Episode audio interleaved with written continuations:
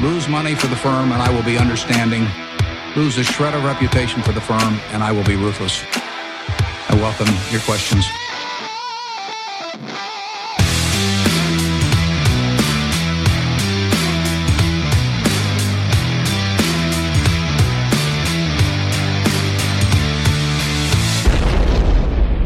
Hej och hjärtligt välkomna till Kvalitetsaktiepodden. Det är jag som är Ola.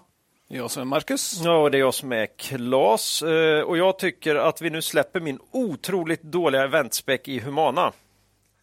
Vi kan, ja, vi kan göra så här. Jag kan berätta att jag har en GAV på 1963. Så kan folk göra sin egen jävla analys i fortsättningen. Vad tycker ni om den? Ja, vad står det nu då, Claes? 14 kronor. 14 spänn. Ja. Eh, det här är avsnitt 141 som släpps eh, natten till torsdag den 27 april och spelas in dagen innan, som brukligt numera. Och I dagens avsnitt eh, tittar vi till sex aktuella bolag. Och Vi kan ju räkna med ett rejält aktuellt avsnitt där. Så blir det idag. Vi har Ja. liksom fört in lite av rapportkommentarer eh, i aktuellt avsnitt här också. Jaha, jag trodde att det var för att Marcus skulle ge oss dag för dag-analyser här av sin, Semester. sin semesterresa. Ja, han- är Det ju- hade inte varit så spännande tror jag. Nej, fun- funkar badbyxorna då? De funkar alldeles utmärkt. De funkar utmärkt. Var, det, var det någon som kom fram där? Liksom? Tyvärr inte, Inte faktiskt. nej, Det var lite synd. Jag trodde Synd. det. Synd. synd. Ja, ja, vi, vi, vi får kämpa på då. Vi får kämpa på. Eh, ja, det Det var jag ska i- säga, då hade jag faktiskt t-shirten på flygplatsen också. Oj! Men inte T-shirt och shorts. Ja, det, är då, Nej, det är bara att lägga ner. Eh, jag tog ju upp de här av en, som av en händelse för att tipsa då lyssnarna om att det finns ju fortfarande badbrallor kvar. va? Glid in på vår hemsida. Finns det länkar både här och där. Över till eh, Deci- Decisive Sportswear där vi kränger de här fantastiska badbrallorna. Gött. Eh, vet du vad? Nej. Vi har ju nu blivit utsedda till den bästa finanspodden. På Oj. det enda ställe som verkligen räknas. Vad är det då? ja, det är en, det är en poll på Twitter. Jag kommer Eh, inte på det svenska ordet, men en omröstning. En omröstning, En ja. omröstning. Fyra alternativ startat av den legendariske STCKPKR. Nej, jag skojar. Vi tackar Stockpicker, Stockpicker. För, ja, för initiativet Ja. och eh, för allt stöd från de som röstat. Och eh, vi lovar väl att vi kommer försöka bli ännu bättre.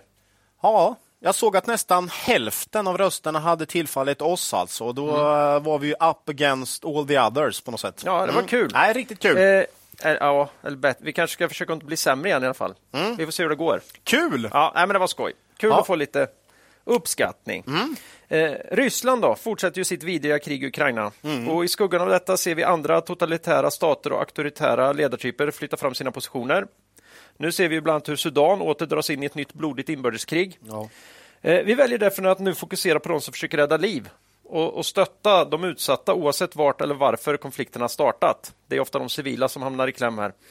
Eh, vi har därför valt att genom en donation bli ett så kallat vänföretag till Läkare utan gränser och vi kommer att fortsätta vara så tills vidare.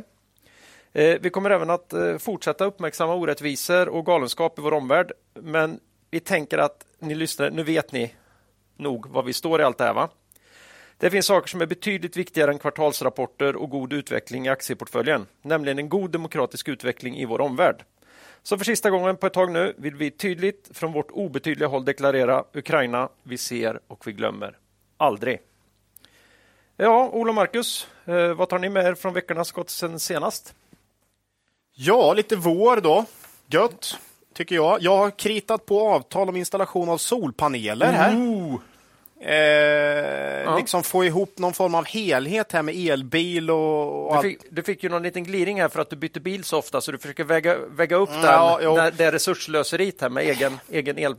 Ja, det här är väl, alltså, ska man vara ärlig så är det väl ingen, det är väl inte den här superinvesteringen om man Nej. räknar på det, men jag tycker inte det känns, det känns inte dåligt direkt, så att jag tycker ändå, ja, nej, jag har skrivit på här. Mm. Eh, Ska producera uppskattningsvis 10 000 kilowattimmar per år då. Ja, det är inte dåligt.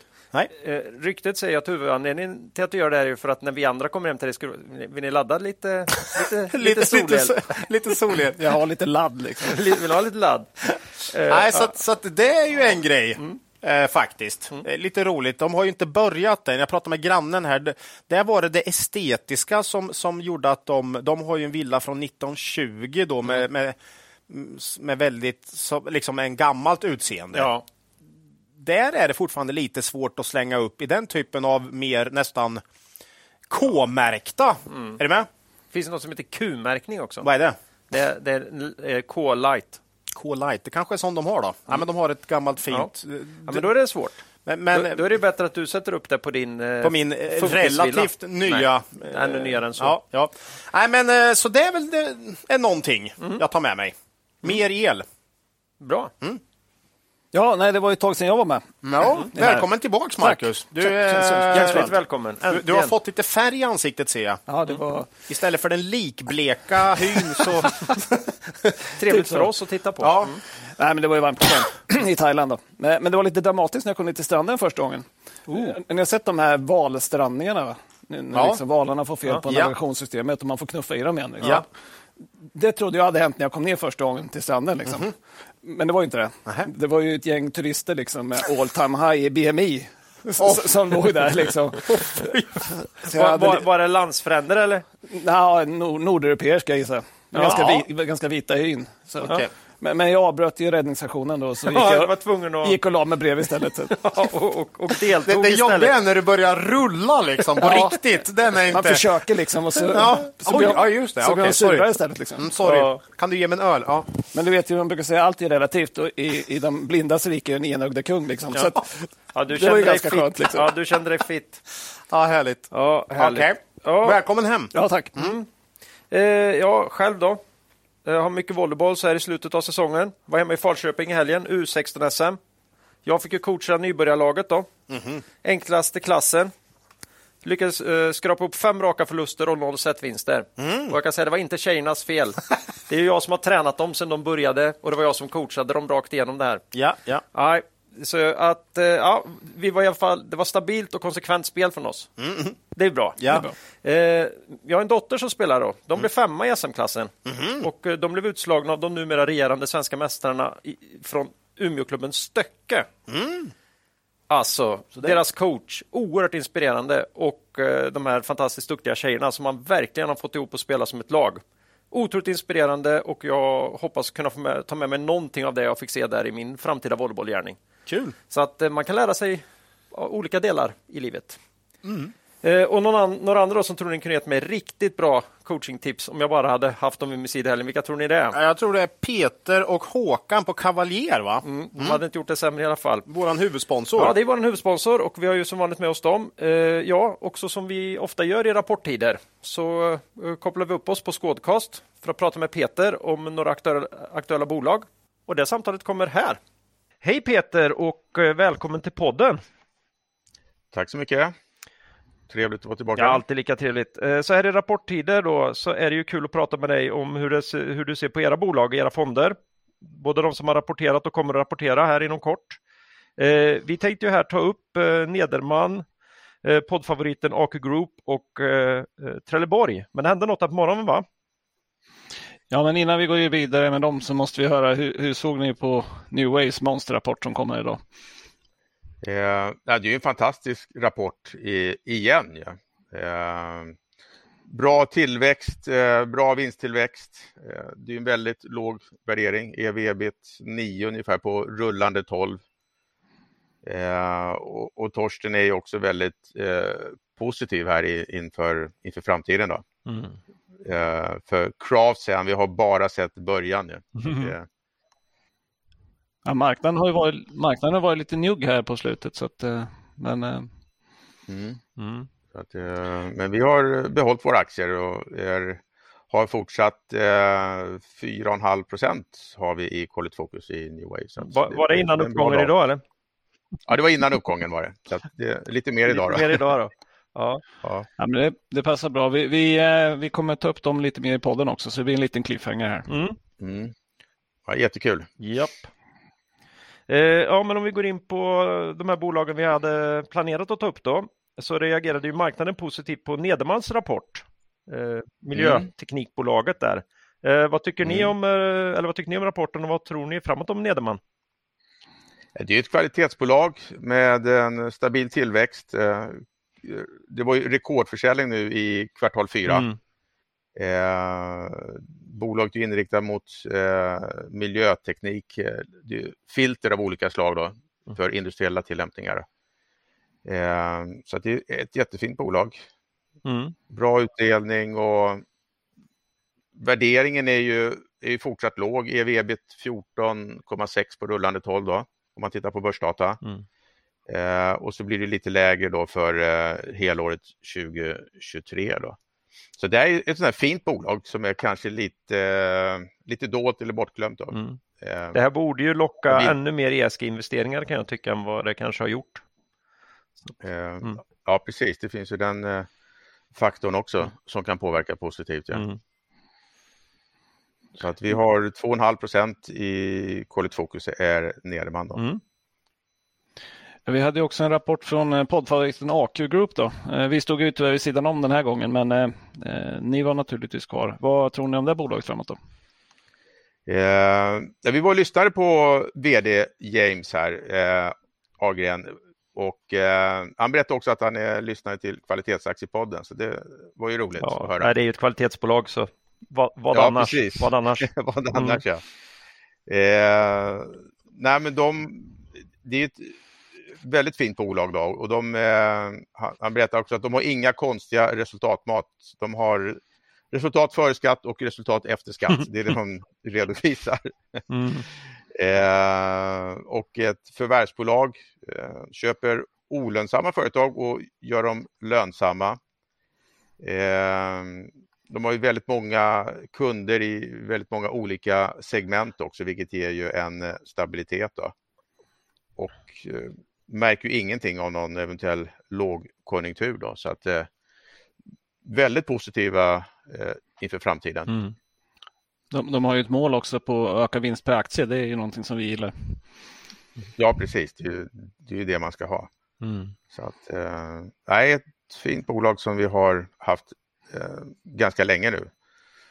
Och eh, 3 ha, har vi i, i fonden av, av Aker, vilket känns ju jättebra. Mm. Nej, de har ju sprungit ifrån oss här lite, lite på slutet. Vi, vi har inte fantasi nog och, och, och, och, hitta på det de lyckas med här. Så att, men, men vi brukar ja. komma in i AQ så vi hoppas att vi, kan, att vi kan matcha igen i framtiden här. Ja, det får vi hoppas mm. att ni kommer in. Mm. Annars får ni köpa ja, fonden. Ja, jo, men det, den möjligheten finns ju alltid. Mm. Det ena utesluter inte det andra. Eh, slutligen Trelleborg då, som inte är något bolag som vi brukar ta upp så ofta, men en klassiker mm. på börsen. Hur, eh, ja. vad, vad, ser ni i bolaget där och hur, vad tror ni om dem då? Ja, men Trelleborg är ju, är, är spännande nu eh, och det blev ju spännande här när man meddelade att man skulle sälja Wheel Systems mm. för hela 24 miljarder. Då. Och eh, man meddelade ju det för något år sedan, men det var ju först nu här för en månad sedan ungefär, eller några veckor sedan, som, som det blev helt klart från myndigheter att affären gick igenom. Så det blev ju en, en relief. Det fanns ju ja, i alla fall teoretiskt en osäkerhet om det skulle spricka. Det hade ju inte varit roligt. Men det här gör ju nu att eh, Trelleborg får ju en stor nettokassa eh, och man kommer ju att använda den till eh, både utdelningar och återköp av egna aktier. Då. Man har ju nu ett återköpsprogram på, på 5 miljarder och jag gissar att man kommer förlänga det här. Mm. Så att totalt blir ju det 7-8 procent då om man säger i utdelning, alltså utdelning och återköp tillbaka till aktieägarna.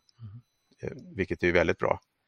Eh, och det nya Trelleborg nu, det, det blir ju mindre cykliskt bolag med högre marginaler och eh, med, med, goda tillväxtutsikter och man har ju nu möjlighet också att göra många kompletterande förvärv. Och vi har ju sett några här under våren. Då. Mm.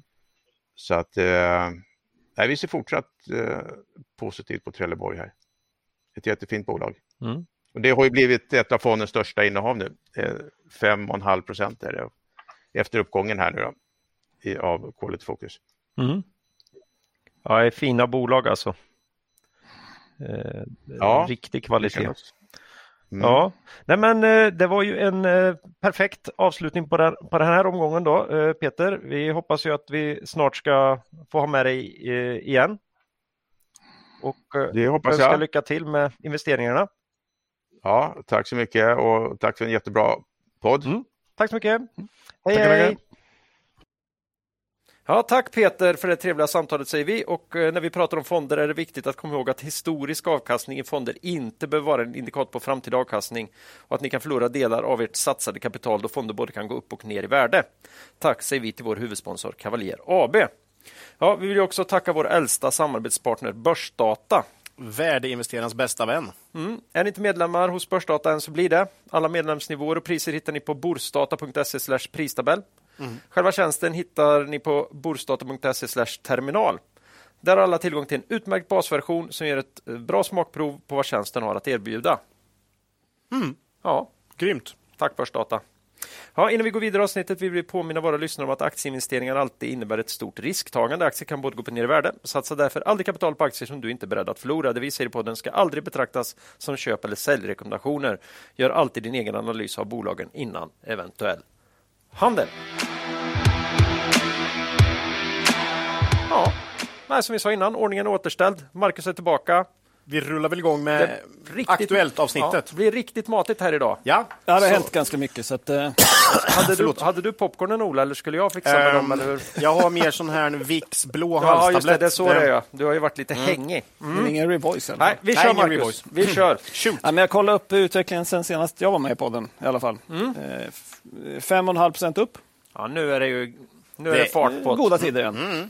Ja, men den här bankoron försvann ju lika plötsligt som den blossade upp känns det som. Ja. Eh, men andra sidan kan man ju säga att den berodde på höjda räntor eh, och de problemen som det ledde till i bankernas obligationsportföljer. Eh, och räntan har inte ändrats. Så jag vet inte om man har löst allting direkt. Ja. Jag vet inte om du har med det där, men återigen om man vill förstå vad det var som hände lite grann där. Podden Follow the Money. Mm. Nej, är för jäkla, de är för duktiga på att mm. förklara sånt här. Alltså. Ja, de är mycket bättre än oss på att förklara, ja. så lyssna på den lyssna om man är intresserad.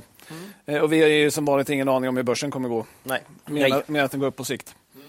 Riksbanken höjde med 50 punkter idag också såg jag. Ja. Så att i Sverige så trummar det på uppåt. Mm. Uh, mm.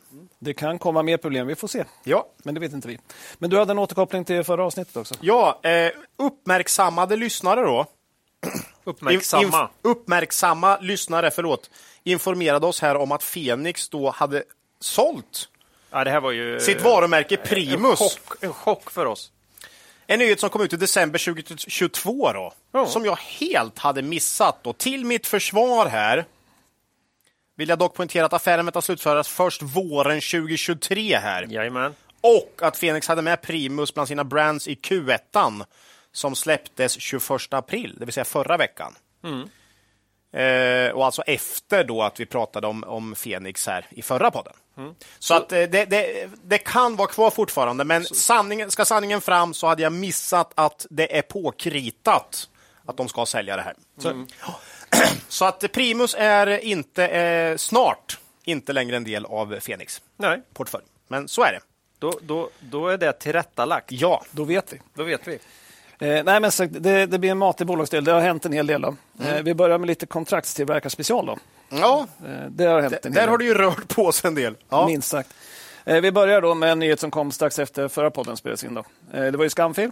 Jag tror den kom två timmar efter vi spelade in. Ja. Så ganska exakt två veckor sedan. ja. Eh, ja, men Skamfil kom med en vinstjustering. Då. Man skruvade upp prognosen. Intervallet för omsättning gick från 820 till 890 till 880 940. 9% upp. Då mm. från tidigare om man tar mitten på intervallet. Eh, vinsten 49 till 55 gick till 56 till 64, alltså 15 procent upp på vinsten. Så lite mer justering upp på vinsten än på omsättningen. Då. Ja. Eh, bolaget sa att efterfrågan från kunderna har fortsatt stärkas under året. Tillgängligheten på komponenter har förbättrats snabbare än vad man trott. Då. Man har ju talat om förbättring, men det går tydligen ännu snabbare. Då. Mm. Eh, togs emot väldigt positivt, 13,5 procent upp. Ja. Eh, och har fortsatt upp sen dess. Då. Ehm, sen kommer vi med rapport här också, idag. Mm. Ehm, Q1-rapport, rörelsemarginal 6,7 procent. Det är mycket högre än 5,2 eh, procent förra året. Ja, det var ju ehm. lite pressad av de här Spotköpen. Där. Ja, spotköpen. Ja. Mm. Höjer omsättningen, sänker marginalerna. Mm. Men klart högre än långa snittet på 6 procent och ganska nära nu 7 procent som man har i mål. Då.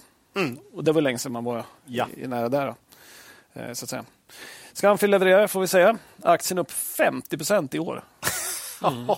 ja, det är kul för oss som har haft det här som vårt eh, case i den här sektorn. Ju. Ja, precis. Mm. Och vi har justerat upp prognoserna då, eh, med tanke på mm, den nya informationen. Så här. Men den snabba kursuppgången har ju kraftigt minskat vår eh, margin of safety. Mm. Aktien känns nu ganska rimligt värderat, vilket gjort att vi har faktiskt sålt våra mm. aktier. Ja, nu. efter en rejäl...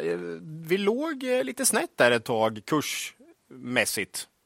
Vi har varit här ganska länge. Den här har vi ägt eh, ganska länge, ja. Och det, det, är så spännande att inget händer, det går åt fel håll och sen händer allt på oerhört kort tid. Mm. Men eh, ja, nu har ju verkligen aktien fått den här skjutsen som man hade hoppats på. Ja. Eh, så ja, vi får tacka för den här tiden då. Ja, men Jäkligt precis. bra leverans av Scamfield sista kvartalen här.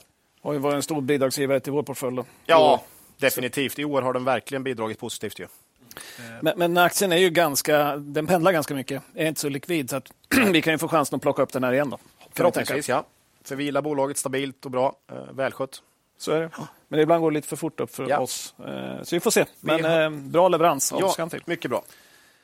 Sen fortsatt då, Hansa till exempel kom med en vinstuppjustering. Aktien har gått väldigt starkt på börsen i år, 44 procent. Mm. Så 50 på Scanfield, 44 Hansa. Mm. Not kom med Q1-rapport. Eh, växte omsättningen 28 procent, vinsten 47 procent. Bättre än vi trodde. Bättre än vad vi trodde. Mm. Eh, I alla fall på vinsten. Eh, omsättningen, eh, man höjde omsättningsmålet från 4 till 4,2 miljarder eh, mm. för helåret. När vi pratade om dem förra gången så sa vi att vi tyckte det var lite lågt med deras förra mål. Mm. Så vi hade redan 4,2 miljarder. vi tror man kommer slå det här målet också, så vi ligger lite över det också. Eh, på konfkollet var man extremt konfidenta, som man har varit på slutet. Eh, man ser stark efterfrågan. Eh, låg påverkan av räntehöjning och inflation, sa man. Mm. Det är inte jättemånga bolag som har den meningen. Med. Nej, det är lite liksom att knäppa andra på näsan nästan. Men, ja. ja, och sticka ut hakan. Ja, ja. Men det kan man göra också. Mm. Aktien steg först kraftigt på rapporten, men stängde oförändrat och gick ner dagen efter rapporten. Ja, lite det här med förväntningar. Det kändes som det var någon större som passade på att sälja. Skulle ja, jag säga, ja. också. Mm. Men aktien är ändå upp 24 procent i år. Mm. Så det är starkt. Det är bra. Eh, lite för dyr för oss i firman fortfarande. Då. Mm. Eh, men en aktie har väldigt långt upp på bevakningslistan om det kommer en allmän rekyl. Ska jag säga. Ligger med i en av våra buy and hold-portföljer, ja, vilket Scamfail också gör. Ja. Mm. Eh, jag köpte för övrigt in den till pensionssparandet på den här rekylen. Bra. Det är inte lika värderingskänsligt på kortare sikt som jag brukar säga. Nej, eller på lång. Ja, det är på lång sikt, så det är inte så känsligt på nej, kort sikt. Nej, precis. Nej, det är inte alls eh, mycket bra att köpa en kvalitetsbolag när de har tappat lite. Ja, men passa på om det är sådana ja. Såna rörelser. Mm. Eh, sen går vi till AQ. Ja. Eh, de kommer med ett riktigt monster till Q1-rapport. Omsättning 37 procent, vinst 80 procent. Mm. Eh, man nådde rörelsemarginal på 8,6 procent. Det är det högsta i ett kvartal sedan 2017. Starkt. Det är starkt. Mm. Eh, vi har skrivit prognosen. Eh, tycker aktien ser rätt rimligt värderad ut, eh, trots kursuppgång. Om de här marginalerna är nya normala så finns det potential kvar i aktien. Svårt att veta såklart. Mm. Vi sålde ju tyvärr ut oss lite för tidigt här ja. i firman. Ja, vi köpte upp i raset. Det var 200... Ja, från 210 till 230 tror jag vi köpte ja. Helt otroligt. Vilken utveckling det har varit på Och nu dubbelt upp. Liksom. Ja, ja. Men vi sålde lite för tidigt. Ja. Grym leverans i den här sektorn överlag. Alltså, nu. Ja, verkligen. Ja. Vi hade underskattat också det, AQs eh, förbättrade marginalpotential här på, på, kort sikt. Så att säga. Ja. Eh, vi får se, kanske kan komma en börsrekyl så vi kommer tillbaka. Som vanligt, man hoppas på när man inte ja, när man vill så. köpa. Ja. Den aktien är plus 34 procent. I år. I år. Ja. Alltså, så ni, man märker här när man går igenom det är, det är ändå bara fyra månader ja. Eh, och så mycket upp på... Men det är väl en av de här som har tappat ganska rejält? Eller? Ja, för det är den sista som vi tänkte ta upp. Då. Mm. Och det är ju Incap. Ja. 18 april så kom man med en eh, vinstvarning, en vanlig vinstvarning. Då. Eh, man har tidigare sagt att intäkter och vinst för 2023 skulle upp och vara higher eh, än 2022. Då. Vi talade om det i avsnitt 137 och det skulle innebära 0 till 20 procent upp. Då. Just det. Nu sa man istället att omsättning och vinst för 2023 skulle vara lower. Oj. Mm. Nu har inte vi fått något skiffer här så vi vet Nej. ju inte riktigt vad det Nej, betyder. Nej. Eh, för lower kan ju, är det 0 till 20 eller är det mer? Ja. Eh, så vi vet inte riktigt. Ehm, ja, Incap sa ju att det här beror på att största kunden, då, Victron Energy, eh, hade beslutat att reducera lagernivåer och skjuta upp order från 2022, 2023 till 2024. Då. Ehm, så sa man också att man kommer minska produktvolymerna då, för att hjälpa till med den här lagerneddragningen. Då. Mm. Och så sa man slutligen att man räknar med att växa intäkter från andra kunder men att det inte kommer kompensera för bortfallet från den här kunden. Då. Eh, Affärsvärlden hade en bra artikel om kontraktstillverkare nu ganska nyligen där man hade diagram som visar att i princip all tillväxt incap de senaste åren har kommit från Victron. Ja. Om man tittar på resten av kunderna såg det ut att vara ganska stabilt. Liksom. Mm. Så. Eh, och med det bakhuvudet så är det inte konstigt att aktien faller Men, men det var minus 42 procent På kursen? på kursen på den dagen. 42 procent ner. Ja, på en dag. Oh, shit alltså. Det är bland de kraftigare fall Vi har har ju ändå lyft det här med enkundsberoendet. Ja. Att så länge den kunden går bra så blir det ju väldigt bra. Mm. Och det har det gjort under många år. Men händer det något där den kunden ja, på något sätt inte vill ha lika mycket längre eller Ja, att man börjar bråka om kontrakt eller någonting, ja då blir det ju väldigt mycket ner. Och du kan inte, som de skriver, det är klart, det går inte att kompensera om en kund står 60, 65 procent 65 procent av omsättningen, då är, det då är väldigt svårt att kompensera med andra kunder. Ja. Så att där har vi en risk som vi ändå har lyft här. Och du har ju sagt att det är huvudrisken till varför vi inte investerat. Ja. Hade, hade, hade in, men den hade väl inte värderats så heller, men ha- hade Incap haft max 10 procent mot en kund, ja då hade vi säkert ägt Incap. Ja, det tror jag. Det tror jag definitivt, men ja, Nej, och sen har vi även talat om att Incap har ju högre marginaler än de andra Mycket högre. Klart Ja. högre. Eh, vilket väl beror på Victrons framgångar. De har ju också varit ex- extremt lönsamma. Så att säga. Mm. Eh, och sena, senast så tog vi även upp risken att Victron, om det blir en avmattning, kanske skulle komma tillbaka och vilja till se på sina kostnader. Mm. När det går bra så brukar man inte se på kostnadssidan kanske, utan se framåt och hur mycket man kan leverera. Men går det sämre så kan man kolla kostnader. så att säga. Och, då kan de komma tillbaka nu när det uppenbarligen är lite trögare och kanske vilja diskutera kostnaderna. Så att säga. känns nästan som att marknaden spekulerar lite i det när den sänker aktien med 42 procent på en dag. För jag tyckte liksom så... Det, det känns för mycket. Eller? Ja, det, jag tror man lägger in ett Jag tror möjlighet att i en man, sån att, man, också. att man tänker att oj, här är risk att det kanske nu blir ännu mer och att kunden börjar knorra om lönsamhet och allt möjligt. Liksom. Sen har väl man sett liksom att de är i rätt bransch, Ja. Mm. fram, framtid, de har växt jättekraftigt. Det kommer bara gå bättre. Ja, liksom. ja. Och då när det blir något helt annorlunda Mm. så blir det Jo, väldigt det ju kraftigt. så. liksom. Ja, nej, så Incap har ju varit den enda av dem som inte har gått bra i år. här kan man säga. Ja, men så är det.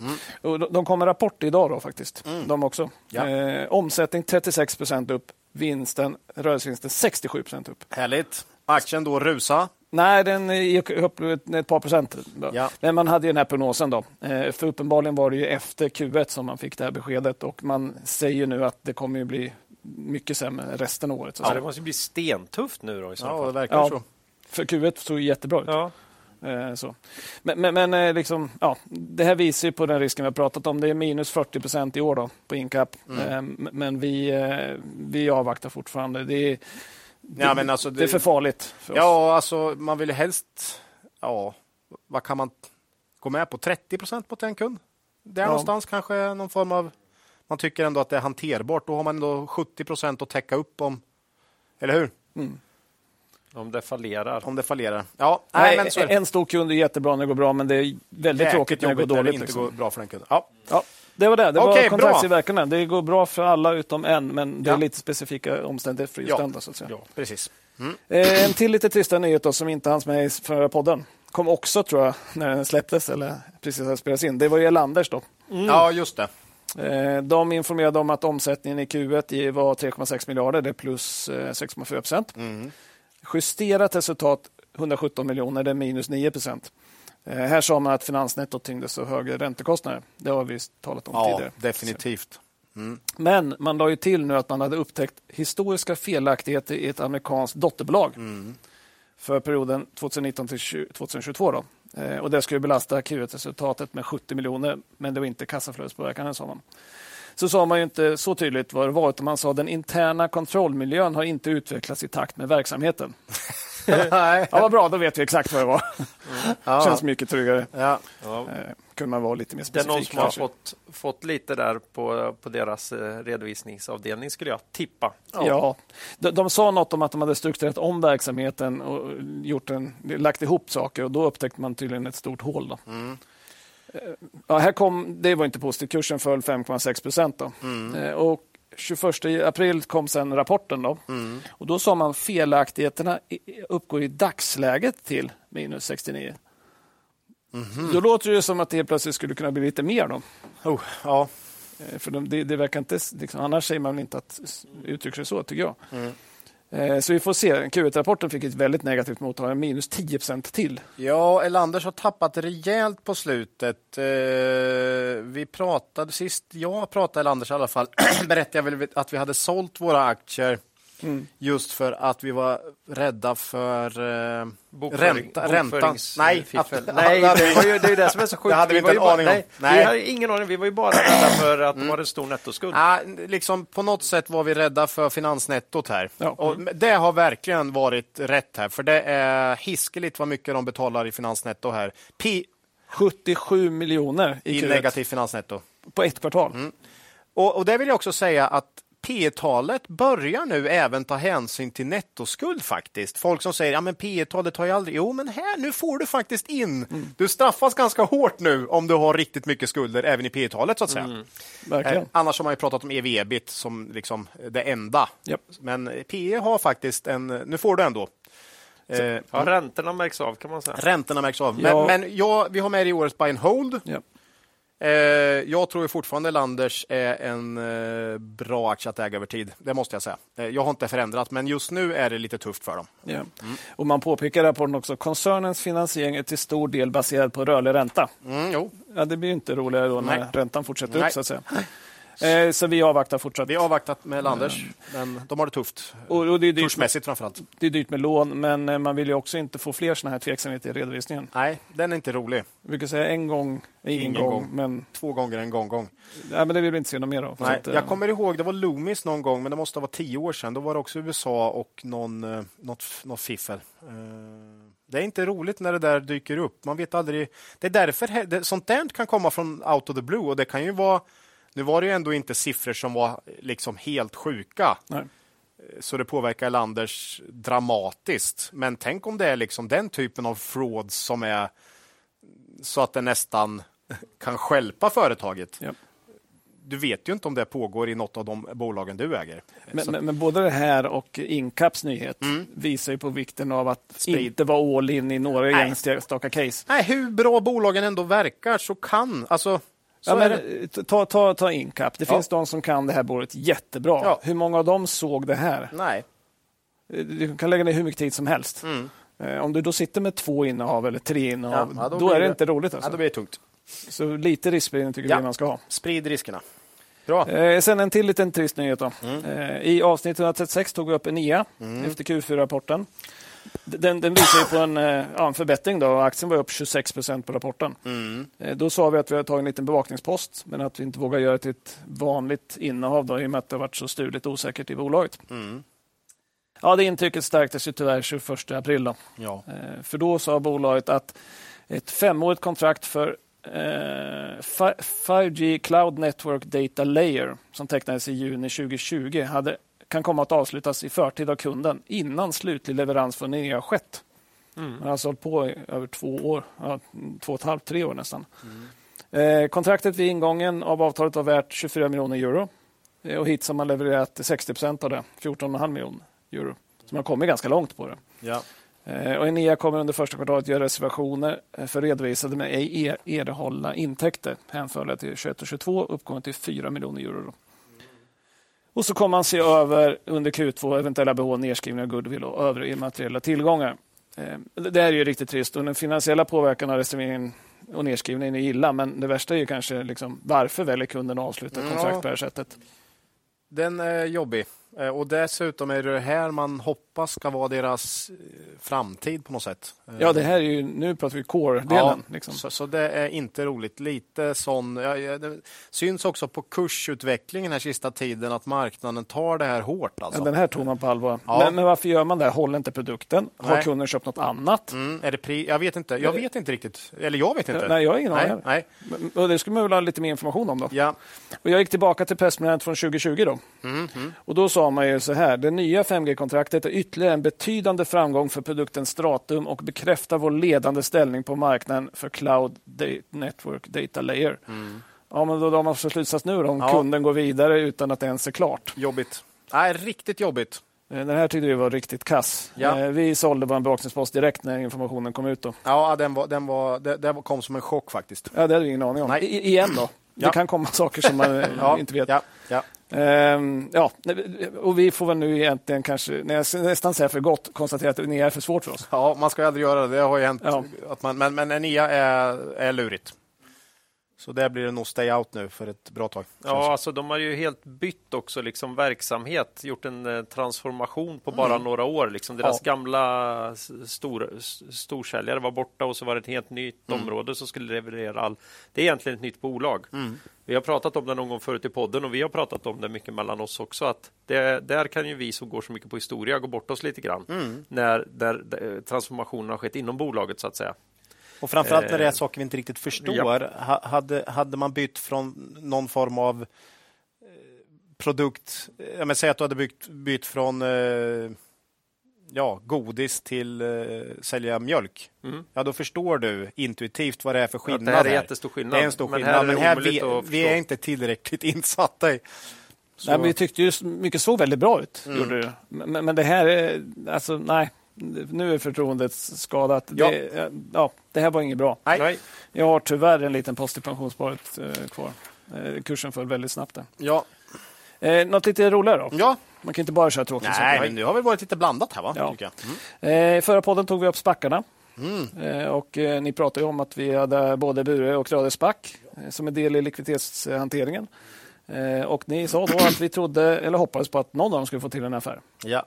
Det gick ju ganska fort. då. Ja, ja det var kul. Eh, redan 19 april informerade Bures SPAC då, att man träffade avtal om förvärv av Yubico AB. Mm. Beskrivs som ledande cybersäkerhetsföretag inom multifaktor-autentifiering. Eh, man har vuxit snabbt, årlig tillväxttakt på 50 procent. Under 2022 nådde man omsättning på 1,5 miljarder, lite drygt. Eh, rörelseresultat på 215 miljoner. Eh, värderas i affären Yubico då till 8,3 miljarder. Men det är ju en ebit, ev-ebit på 38,6. Uh. Det är inte riktigt där vi brukar röra oss. Nej. Nej. Eh, lite så. Inte våra, inte våra Jaktmark, jaktmarker. Nej, precis. Nej. Eh, aktieägare med 67 procent av rösterna har sagt att de ska rösta ja. Då. Så det borde innebära att affären går igenom. Och, men det borde också innebära att den som vill kan rösta nej och få aktien inlösta. Då. Ja. Eh, ja, vi, vi, ser väl så det ser väl ut som ett intressant bolag. Eh. Kul, kul med svenska teknikbolag, men, men, det är ingenting som passar hos oss. Nej, inte i våran, absolut inte. Det, det, är inte riktigt vår typ av tea. Eh, vi sålde våra aktier direkt, eh, lite drygt 104. Ja. Eh, vi har ju sagt att det är en del av likviditetshanteringen, då är det naturligt att sälja. Då. Eh, snittinköp 95 plus 10 procent ungefär. Ja, det är vettig likviditets... Ja, klart bättre än att ligga, ligga ja. på likvider. Ja, Nej, kul. Eh, aktien handlas för nu 101 ungefär, så faller tillbaka lite grann. Ja, det, man ska ju inte... Ja, vill man lösa in så kan man lika gärna sälja nu på något sätt. Ja. Eh, för den är över 100 här nu. den är över 100 ändå. Men vi sålde som sagt samma dag där, 104 och 20 och sådär. Ja. ja. Så det, det tyckte vi var kul. Superkul. Vi har kvar Kryadesbacken dock. Ja, mm. hoppas på repris där då kanske. Ja. Eh, Kreasback. Och att de kanske köper ett eh, fint bolag med P7 istället. Ja, det vore trevligt. ja. Som sysslar med väldigt handfasta produkter. handfasta produkter, ja. Mm, nej, här, här, delar jag Follow the Moneys analys av eh, den här affären. Jag var ju inte nöjd. Jag mådde ju inte alls bra när jag kom in där på morgonen. ni, trodde... var ju, ni var ju övertygade om att marknaden skulle gilla det där och jag kände att det här är, nej. det här är, inga, är inte bra. Alltså. Ja, du var väldigt neg där. Ja, jag var väldigt neg. Eh, jag tror nog tiden kommer ge mig rätt. Ja, det är mycket, är, mycket, mycket väl. Jag vågar sticka ut hakan. Jag tror inte det här var, kommer bli någon klang och jubel. Jag tror inte Bure kommer se tillbaka på det här som ett av sina stoltaste ögonblick. Mycket De möjligt. köper ju det här av sig själva kan man säga. Lite så. Mm. Men, men, för oss är det lite OPP. Ja, ja men uh, som sagt. people's problems. Ja, vi, vi tackar för, vi tackar bra, för bra avkastning där. Det är aldrig fel med en liten peng. Nej. Lite peng. Mm. Eh, en till lite kul grej. Då. I avsnitt 135 tog vi upp eh, information om Playticas bud till, på Rovio mm. på 9.05. Vi konstaterade att det var stor osäkerhet för att aktien handlades ju mitt emellan kursen innan och ja, den där budnivån. Då. Ja. Ja, det var väl lite grann för man trodde inte på att det budet skulle gå igenom. För Politika har ju tydligen väldigt dåligt rykte eftersom man har köpt bolag i Finland förut och lagt ner tillverkningen mm. istället för att satsa där. Så att säga. Eh, Rovio sa ju sen att man inledde en process med att leta en annan köpare till bolaget. Eh, och den 17 april kom det bud från Sega på 9.25. Mm. Oh, Sega, kommer du ihåg när man spelade gamla... Det var Sonic själv Son... som har hört som Sonic the Hedgehog, eller vad han? Ja. ja. Han ville leka med fåglarna. Ja, ja. Sega körde massor av de här arkad som stod på oh. arkadhallarna. Det var ju deras... Ja, jag helt nostalgisk. Mm. Helt nostalgisk. Arkadhallar, det vet inte Jo, men det finns fanken utomlands och sådär. Arkad, det är en rolig... Man samlas... Liseberg har vi fortfarande. Och, fin ja. och Finlandsbåt kanske man åker. Finlandsbåt, ja. Mm. Ja. ja, nej, men i alla fall. Så, så, och den här gången så var budet förankrat i styrelsen. och 49 procent av aktieägarna hade förbundit sig att acceptera. Då. Kursen upp 18 procent ungefär till ja. 9,17. Vi hade en liten post i Rovio ja. som vi hade tagit efter det där meddelandet. Men vi... Eventspec, Eventspec. kan man säga. Ni, ni två är ju duktiga på eventspec. det var, var lite annan typ kan man säga. annan typ, ja. Mm. Nej, men, och vi dubblade den direkt på 9,16. Ja, det gjorde vi. Ja, för vi kände att liksom, det är väldigt sannolikt att få 9,25. Ja. Eftersom liksom, det är accepterat budet och styrelsen står bakom det. Men det, det, finns en liten, liten chans till budhöjning, ja. känner vi. Ja. Eh, jag menar, säg 15 procent kanske. Ja. Eh, man har pratat Disney, man har pratat Netflix. Det har varit liksom ganska mycket rykten kring det här.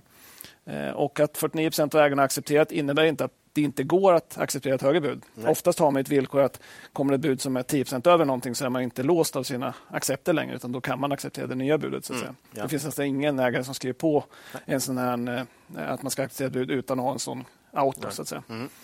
Eh, så, så, vi tyckte att det var en liten intressant ja, späck. Ja. Så.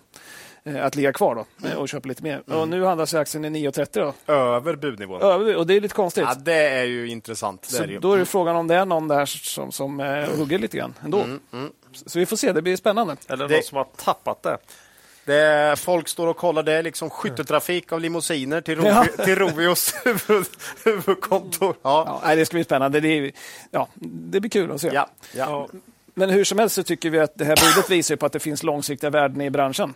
Ja, den har ju varit pressad under ett par år, eller åtminstone ett år. Ja, riktigt pressad, hela branschen. Så att det, det, är inte konstigt att det kommer in. Det är någon sorts postpandemi-baksmälla. Ja, liksom. ja, ja, absolut. Eh, värderingar har varit ganska nedtryckta. Vårt stora bett är ju som vi tidigare pratat om, G5. Då. Mm. Eh, så vi får ju följa det här, men det blir spännande att se. Så ja, mycket spännande. Och eh, ska väl säga också att det var ju alltså ganska små, väldigt, väldigt liten del av, av vårt portfölj som, ja. vi, som mm. vi lägger in i det här kan skvallra lite om att eh, vi har haft väldigt mycket likviditeter nu ett tag igen mm. och kanske hade lite tråkigt mm. på jobbet. Och då i väntan på rapportperioden här så mm. var det här riktigt roligt att Så, så kan vi göra lite sådana små, kan vi göra lite sånt, roligt smått. på jobbet grejer. Men det är ja, hög risk, jätte, ja. jätte, jätte, jätte hög risk. Ja, eh, sen tycker jag just att eh, i nuläget tycker inte jag att det är Nej. jättehög risk för, för, för den här affären kommer ja, med inte, inte denna, specif inte denna specifika affären, men för den som är ute och letar den här typen ja. av events så är det jättesvårt att hitta. Det håller jag med om. Satsa ja. inte så mycket i varje Nej. sånt case. Nej. Eh, 16 april då, meddelade Byggmax att man hittar ny vd. Mm. Efter Mattias Ankarberg då, som går till Thule som jag pratat om. Karl Sandlund mm. är ny vd. Han kommer från en tjänst som COO. Kommer ni ihåg vad det står för? Ja, det är ju operate, uh, Operating Officer. Ja, Operations. Operations, ja. Verksamhetschef på något sätt. Ja, exakt. Han var på Academedia då. Tidigare ledande befattningar på SAS då. Mm, det är ju eh. två bolag man inte kopplar till plank, plank och sånt. Nej, inte riktigt. Inte. De har ju ganska så här höga säkerhetsstängsel mm. runt jo. flygplatserna. Det kanske. Jo, stängsel. Mm. Trädgårdsstängsel. Mm. Ja. ja. sen har han, varit, han är ju civilingenjör från industriell ekonomi vid Tekniska högskolan i Linköping. Ja, det är ju en kursare till mig och Claes då kan ja, man säga. Inte, inte vår årgång är det ju inte, Nej, men han har gått samma utbildning. Ja. Så, så, så vi, att, vi, fantastisk rekrytering. Vi gratulerar Byggmax. ja. ja, vi är positiva till hans studiemeriter. Ja, ja, det är vi. Det är vi. Men vi kanske gärna hade sett att man tar en person med lite mer erfarenhet av branschen. Mm. Eller någon som kanske är framgångsrika lågpriskedjor som, som Tokmanni eller Europris. Ev Europris. Europris. Europris. Ja. Det är lite internskämt nu, för vi har fått en massa, vi har till och med fått reklamfilmerna från Europris mm. eh, skickade till oss så att vi ska försöka uttala det på rätt sätt. Ja. Det, det är ett stort eh en stor liksom, undersökning här eh, vad det egentligen heter. Och, ja, det är ett antal språkvetare som har börjat liksom, vi, lägga sig i det här. Och vi uppskattar allas engagemang, ja, men vi, har, vi, vi, får nästan börja kalla det norska lågprisvaruhuset. Ja, vi, ja, vi vågar inte. Nej, men det blir fel hur vi Europris. Europris. Ja, men Europris verkar det vara. Med Euro, ä, Europris. Europris. Ja, ja. Ja, det är i alla fall lite tid att säga någonting om, om han som vd. Då. Han mm. inte ens I Byggmax nu då, Byggmax. Lycka till! Bygges har det ju lite sådär nu va? Ja, nej, men precis. Eh, vi ska se vad han vill göra med det här. Men eh, än så länge så, så är det Ankarberg som kör. Då. Ja. Eh, och det går ju inte så bra just nu. Nej, tufft för Bygges alltså. Ja, Q1-rapport igår. Då. Mm. Eh, väldigt svag rapport, klart under vad vi hade gissat på vad marknaden trodde också. Mm. Eh, aktien föll 10 och är minus 40 i år. Mm. På tal om bra och dåligt. Då. Mm. Eh, nu hade man ju lite otur med, det var ju superkallt i mars. Ja. Ehm, vilket inte var på samma sätt förra året. Då. Eh, men de har, ju, och de har en väldigt tuff marknad att jobba i. Dem, men det, det går tungt för dem. Eh, vi, vi sålde våra aktier efter förra rapporten som vi sa. Mm. Och nu är kursen ner en hel del, men vi avvaktar fortsatt. Mm. under 30 spänn nu faktiskt. Ja. Eh, jag tror ju det är ett bra långsiktigt bett på de här nivåerna, men eh, i år ser det ju inget kul ut. Alltså. Det, nej. nej. Och så är det lite svårt med vederbyte. Man vet Veder, aldrig riktigt. Alltid liksom. osäkerhet. Väldigt svårt att liksom man, man vill ofta se, tycker jag, ett par ja. rapporter från en ny vd för att se vilken prägel, vad den här människan vill åstadkomma och så. Mm. Eh, så, så, att ofta, ja. Särskilt nu när det blir ett byte i, i när det är tufft för ja, liksom. Exakt, den är ju ännu... Det, det mm. finns ju alltid den här lilla, lilla chansen att, att han kommer och säger att nu ska vi in i Danmark. ja, de har ju nu, köpt ja, Nu är det fan med dags. Ja, då, då... Men jag tycker han kan köpa Byggma då. Byggma. Ja, ja det är bara att slänga på X så är man klar. Ja, det är ja, vi får se. Men, men ehm, ja, vi, vi avvaktar i alla fall ändå. Mm. Det ligger väl i några pensionsspar, tror jag. Ja. Det ligger lite här och där, ja. Mm, jag lite har också i någon pensionsspar, ja. Yep. Det, det, det, är ju inte högt värderat, det kan Nej. jag säga. Nej. Det är på någon ska sorts de, normal Ska de tillbaka till eller bara, ja, sina finansiella mål eller snitt lönsamhet så, så är det ju vrålbilligt. Ja. Mm. Ja, släpkärrorna har ju börjat rulla runt i, ja. i villakvarteren igen har jag sett. Så att, okay.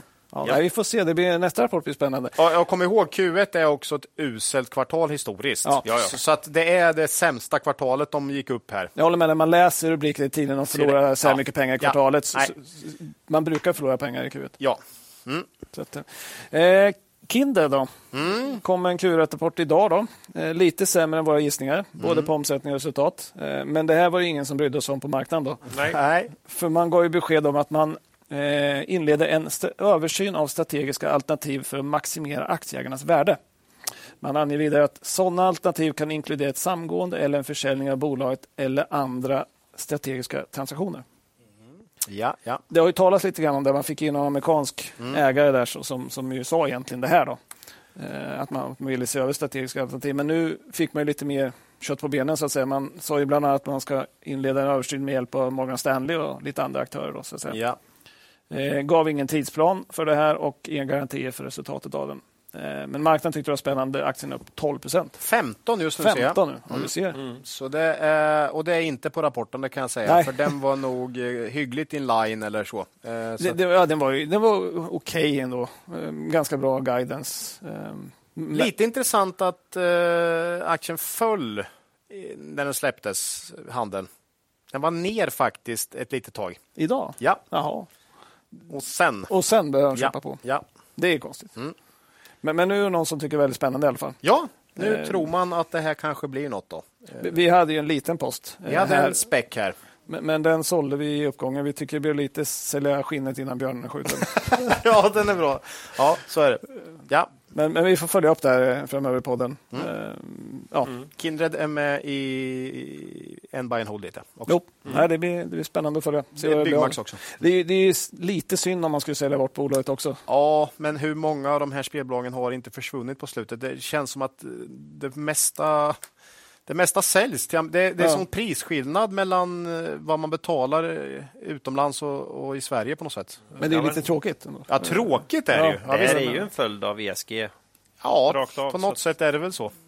Det är bättre att äga mm. som någon som vill ha det än någon mm. som liksom... Ja.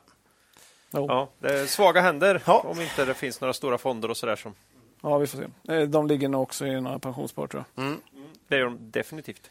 Eh, avslutar då med att eh, i senaste podden gjorde en liten passning till mig då om SAS. Ja, ja. Eh, du hade ju sm smitit iväg med SAS kanske så att vi kunde, ja, kunde inte få... Nej, jag flög faktiskt inte SAS. Eh, men det senaste jag såg var att man sköt fram räntebetalningar på hybridobligationerna. Då. Mm. 273 miljoner. Det är jättebra att man inte behöver betala ut nu, men friska bolag gör ju inte så här. Skjuter fram. Liksom. Eh, och sen var det en dansk tidning då, som hade talat med källor som sa att det fanns långt framskridna planer på att avnotera SAS. Mm. Mm. Det, det, är lite tvådelat ska jag säga. Till viss del är det positivt för det hindrar fler personer från att förlora pengar mm. i SAS. Ja. Men det hindrar ju alla de som är kvar trots allt, att rädda det lilla värde som är kvar. Då. Mm. Eh, vi, vi, tog upp dem i december, det är inte så jättelänge sedan, eh, vid kurs 0,57. Eh, vi var väl ganska tydliga med vad vi tyckte. Mm. Kursen är 53 procent sedan dess. Mm. Men vi tycker det borde varit mycket, mycket mer. Ja. Ja. Ehm, ja. Nej, men eh, liksom, SAS sa igen att det inte kommer finnas något eller mycket lite värde kvar för befintliga aktieägare i SAS efter att man gjort den här rekonstruktionen. Ja. Varför äger någon det här? Nej, jag vet inte. Nej. Ja, det... det är ju sällan man liksom har kvar bolag i obestånd på det här sättet på börsen. Liksom. Mm. Ja, man kan det är jättekonstigt. Men är det satt på bevakningslistan, eller?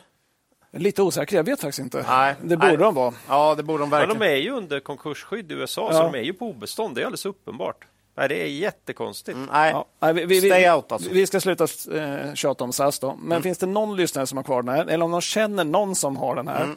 ta en funderare på om det inte finns något bättre sätt att förstöra pengarna på. Mm, mm. Man kan alltid sälja aktien, ta ut pengarna, bränna upp dem, så får man lite värme från ja, just det. Kan du liksom, en, en kall ja. dag här. Ja, det en, var kall, typ en kall majdag. Det mm. sista vi säger om SAS, hoppas jag. Ja. Nej, vi kommer komma tillbaka när det där...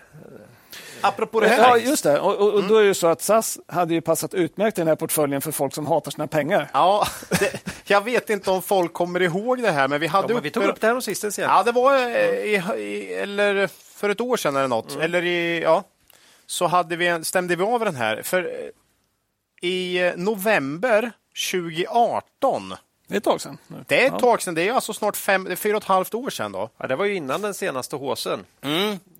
Precis. Eh, då, tog, eh, då var bara Claes och jag på den tiden. Då tog vi ut en, eh, en portfölj för folk som hatar sina pengar. Mm. Där skulle som sagt SAS... Ja, de borde varit med. Ja, nästan, det, det, jag är nästan lite... Ja, den, den, skulle ha varit med bara, så är det. Nu har, nu har det inte på något sätt gått bra för någon av de här aktierna som, som jag har här. Men, men SAS hade ju platsat perfekt där. Mm. Eh, nej, men jag har stämt av den här nu. Ja, det var kanske dags. En uppdatering. Hur har det gått för portföljen för folk som hatar sina pengar? Jävligt gött här att man inte behöver ta hänsyn till utdelningar och sånt där. Ni vet. Nej, det är så svårt att räkna. Jävligt... När jag sitter med, mm. med buy and hold-portföljer, det är ett jävla meck. Det är utdelningar och kurser och vad, vad köper, ja. återinvesterar man? Ja. Nej, här är inget sånt. Däremot så är det ju lite jobbigt med omvända splittar. Ja, som ska komma. Som jag såg här nu hade hänt i minst ett bolag. Då, va? Okay. Ja. Jag hoppas nu att jag har fått det här rätt. Eh, Bolagen då är ju Anoto, Eltel, Eniro, Minesto, Precise Biometrics. Mm. Jag får det här nu mm. Till att den, den portföljen är ner 61 procent sedan start. Ja. Alla fem aktierna är ner rejält, så att det är ingen ens som har, är nära att Det är några som har varit ihärdigt motståndskraftiga, framförallt mm. Minesto. Minesto varit, eh... började vi riktigt fel i. Ja. Den var upp 50 procent som sämst för oss här. Fantastiska maskiner. Eh, men det var under den här eh, håsen här, när, när pengar inte kostade något. På tal om ESG igen också. Mm, mm. Nu är det ner rejält. Så nu har alla de här fem bolagen visat sitt rätta ansikte här får man säga. Eh, minus 61 procent. Under samma tid har OMX SGI gått upp 72 procent. Så 100 000 hade blivit 172 000 med OMX SGI. 39 000 har man kvar om man hade investerat i de här. Det är en skillnad på 133 000 i avkastning. Mm. Men då är de ju nöjda med finansiella fakirerna. Ja, så jag hoppas här nu att folk som verkligen hatar sina pengar är nöjda. Ja, med men den här. Jag har ju tipsat dem här, mm. så jag hoppas mm. de är glada. För oss andra så kan man säga, om ni inte hatar era pengar, köp inte notoriska förlustbolag. Nej. Det är sällan en bra investering över tid. Vi försöker, det, det, här är ju, ska vi vara helt ärliga, som folk förstår, så är det här ett, ett sätt för att uppmärksamma hur illa det kan gå om man köper notoriska förlustbolag. Ja, så eh, så att det här visar väl om inte annat på det. Och vi vill inte ha just de här bolagen. Nej. De, de, det finns fler. Det finns en hiskelig mängd. Jo, jo, vi vill faktiskt peka ut just Anoto. Ja, okay, ja. Anoto för det är ju, det är ju de har nog gjort ont för alla. Det är alla. ju en skam att de mm. får finnas kvar år ut och år in. Vilka är det som trycker in pengar i alla dessa nyemissioner? Det är helt otroligt.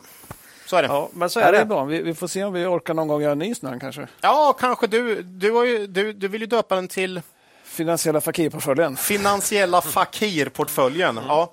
Nej, men så är det. Eh, nu har den här portföljen visat sitt rätta ansikte. Ja. Så kan vi säga. Får se vart det stannar. Ja. Ingen av bolagen är ju borta från börsen än. Nej, ganska det, otroligt. Det är ganska mm. Det är ju det här som är så sjukt. Mm. Ja. Ja. Vi hade ju räknat att den skulle, med att den skulle implodera ja. och, och gå upp i intet så att säga. Ja, då, blir, då blir det inte som med utköpen i Bayern Hall att du får föra över värdet till någon annan och sånt. Nej, det behöver du inte det är enkelt, det är bara att säga noll. Skitbra. Ja, mycket enklare. Mycket enklare. Ja. Mm. Eh, det var ju ett litet, eh, eh ett litet eh, elegant eh, aktuellt avsnitt här. Ja, rejält. Vi, vi, har ju sex bolag idag också. Ja, det så, blir så, så rejäl podd. Nu ja. kör vi. Nu kör vi. Häll upp lite mer kaffe. Och... Ja, mm. så får det vara. Eh, jag tror att jag får till det i bokstavsordning här, eh, men in, vi får se. Bredband 2 har, har Marcus spanat in. Senast vi tog upp det här bolaget hade vi döpt avsnittet till det andra bredbandsbolaget. Marcus, gäller det fortfarande? var avsnitt 68. Det är alltså 28 maj 2020. Ja, det är en stund sedan. Det är nästan tre år sedan. Mm. Jag tyckte det var ett fyndigt namn på, ja, på var, den, den, är vi nöjda vi försöker. med. Vi, ja, men, för vi har alltid sett liksom Bahnhof som nummer ett och då mm. Bredband 2 ja. som tvåan. Ja. Så, så att, eh, mm. ja, det är kul.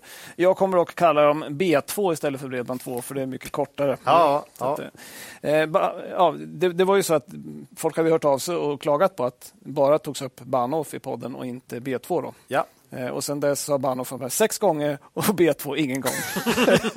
ja, vi, är så, vi, är så, vi är så fina så där att vi liksom lyssnar och ja. Ja, tar till oss. Mm. Uppenbarligen skiter helt i vad folk säger. Ja, det är för jäkligt. Ja, nej, men det blir eh, lite, lite mer omfattande rapportgenomgång då, i och med att de inte varit med på så länge. Då. Mm. Eh, vid poddtillfället då, så stod de 1,56 Eh, aktien gick jättestarkt efteråt, plus 62 procent upp till en topp på 2,53 i september 21. Mm, hade bra eh, perioder. Bra flyt, mm. men sen har den fallit väldigt mycket. Eh, endast idag är 1,27. 19 procent ner från när den var med senast och 50 procent ner från toppen. Ja, det är rejält.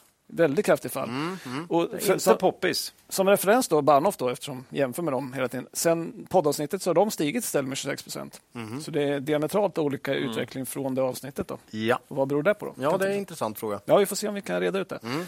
Eh, lite grann i alla fall. Eh, vi har i podden pratat om Bahnhofs tillväxt minskat på senare år och det gäller ännu mer för, för B2. Då. Under 15 till, 2015 till 2017 så växte man över 20 procent i snitt. Fibermarknaden var ju väldigt het där ett tag. Ja. Och eh, liksom många nya hus som kopplas upp, de behövde liksom eh, bredbandsoperatörer. Eh, de här åren så växte antal kunder också runt 20 procent. Man har legat väldigt lika i omsättning och antal kunder, så det är det att hålla utkik efter i, B2. Mm. Hur mycket antal kunder växer och krymper. Så att säga.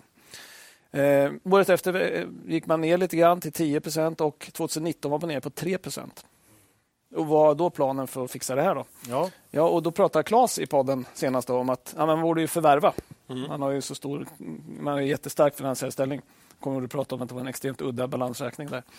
Eh, och det var precis vad man gjorde. då. Ja. Eh, I september 2020 så la man bud på noterade konkurrenten A3 det och, all, och, det är därför du väljer att kalla Bredband2 för B2 här? Ja, det finns för att det ska bli tema här. Ett tema, okay. Ja, det kommer bli ännu mer förvirrande. Då, för kommer jag säga ibland, det var ett väldigt stort förvärv för B2 då A3 yep. omsatte 804 mot 670 miljoner. Oj, ja. Nej, men så Proforma steg i omsättning 120 procent. Ja. Mm. Det är stort förvärv brukar ofta bli lite strul när man gör sådana jätteförvärv. Ja, vi, vi gillar ju inte riktigt ah, som... lite, Det påverkar ju så extremt mycket. Transformativa. Ja. Exakt. Men, men det här är i alla fall väldigt liknande verksamhet. Mm. Så man ger sig inte på liksom, Nej. billaddare eller någonting Nej. sånt. Ja, det är bra. Det är väldigt bra. Som, som ett exempel taget helt, helt, helt, i luften. Helt i luften bara. Mm. Ja. Eh, nej, man motiverar köpet med att man såg stora möjligheter till synergier. Då. Mm. Så här var man tydlig med att man ska köpa liknande verksamhet och man sa att inom försäljning, infrastruktur, drift, system och personal kommer vi hitta synergier. Då. Och det ska ge bättre marginaler på sikt. Mm. Eh, det är fortfarande inte helt lätt tycker jag att bedöma fulla effekten av affären eh, när man läser alla rapporter och, så, och vad det kommer bli längre fram. Då. Eh, bolaget sa i rapporterna efter eh, affären att omsättningen minskar på grund av att man la ner vissa delar. Man la ner kontoren i Sundsvall, i Sollefteå, man la ner ett affärsområde som heter A3 IT. För det var mest konsultdelar. Då. Det vill man inte hålla på med. Och Då minskar omsättningen på grund av det. så att säga. Men sen minskar antalet kunder också eh, efter affären. Och Det var inte helt oväntat. Man slog ihop flera olika varumärken som A3 hade. Och så flyttade man över alla dem till Bredband2-varumärket. Eh, och slå ihop varumärken leder ofta till högre körn. Då. Brukar bli så. Eh, vissa kunder lämnar. Då. Eh, A3 hade också en, en, liksom, en hel del priskänsliga kunder, som man brukar kalla dem, som jagar bästa erbjudande. Och det är inte så undra på att de, blir mer, de är lite mer lättrörliga då, att flytta på. så att säga. Eh, bolaget eh, framhåller att konsolideringen som budet innebar på marknaden då, när de här varumärkena försvann gjorde marknaden mer stabil Det vill säga man har mindre konkurrens. Då. ja, det är ett bra sätt att uttrycka sig. Bra för bolagen i branschen, inte lika bra för kunderna kanske. Nej. En svår fråga tycker jag är vilken vallgrav eller mot som bolagen i den här branschen har. Eh, B2 framhåller att man har återkommande intäkter. Man har abonnemang. Då. Det, det brukar ju SAS-bolag få väldigt mycket betalt för men, men teleoperatörer brukar inte få lika mycket betalt för att man har återkommande intäkter. Så att säga. Nej. Abonnemang då. Men bredband är en produkt som är väldigt viktig. Det lär inte ändras. Efter pandemin har vi sett eh, alla behöver bredband. Mm. Eh, problemet tycker jag är att den här produkten är ganska generisk. Verkligen liksom utbytbar. Eh, lite otacksamt är ju så att kunderna förväntar sig att tjänsten funkar och rullar på. Gör den inte det så kommer man byta bolag. Men så ett fallissemang för tjänsten innebär kundflykt men du får inte betalt bara för att du har uppe nätet så att säga. Eh, du måste skapa dig någon form av position där du ändå marknadsför dig på något sätt ja. med en produkt som är väldigt identisk. Ja, för, för annars blir det bara pris. Ja.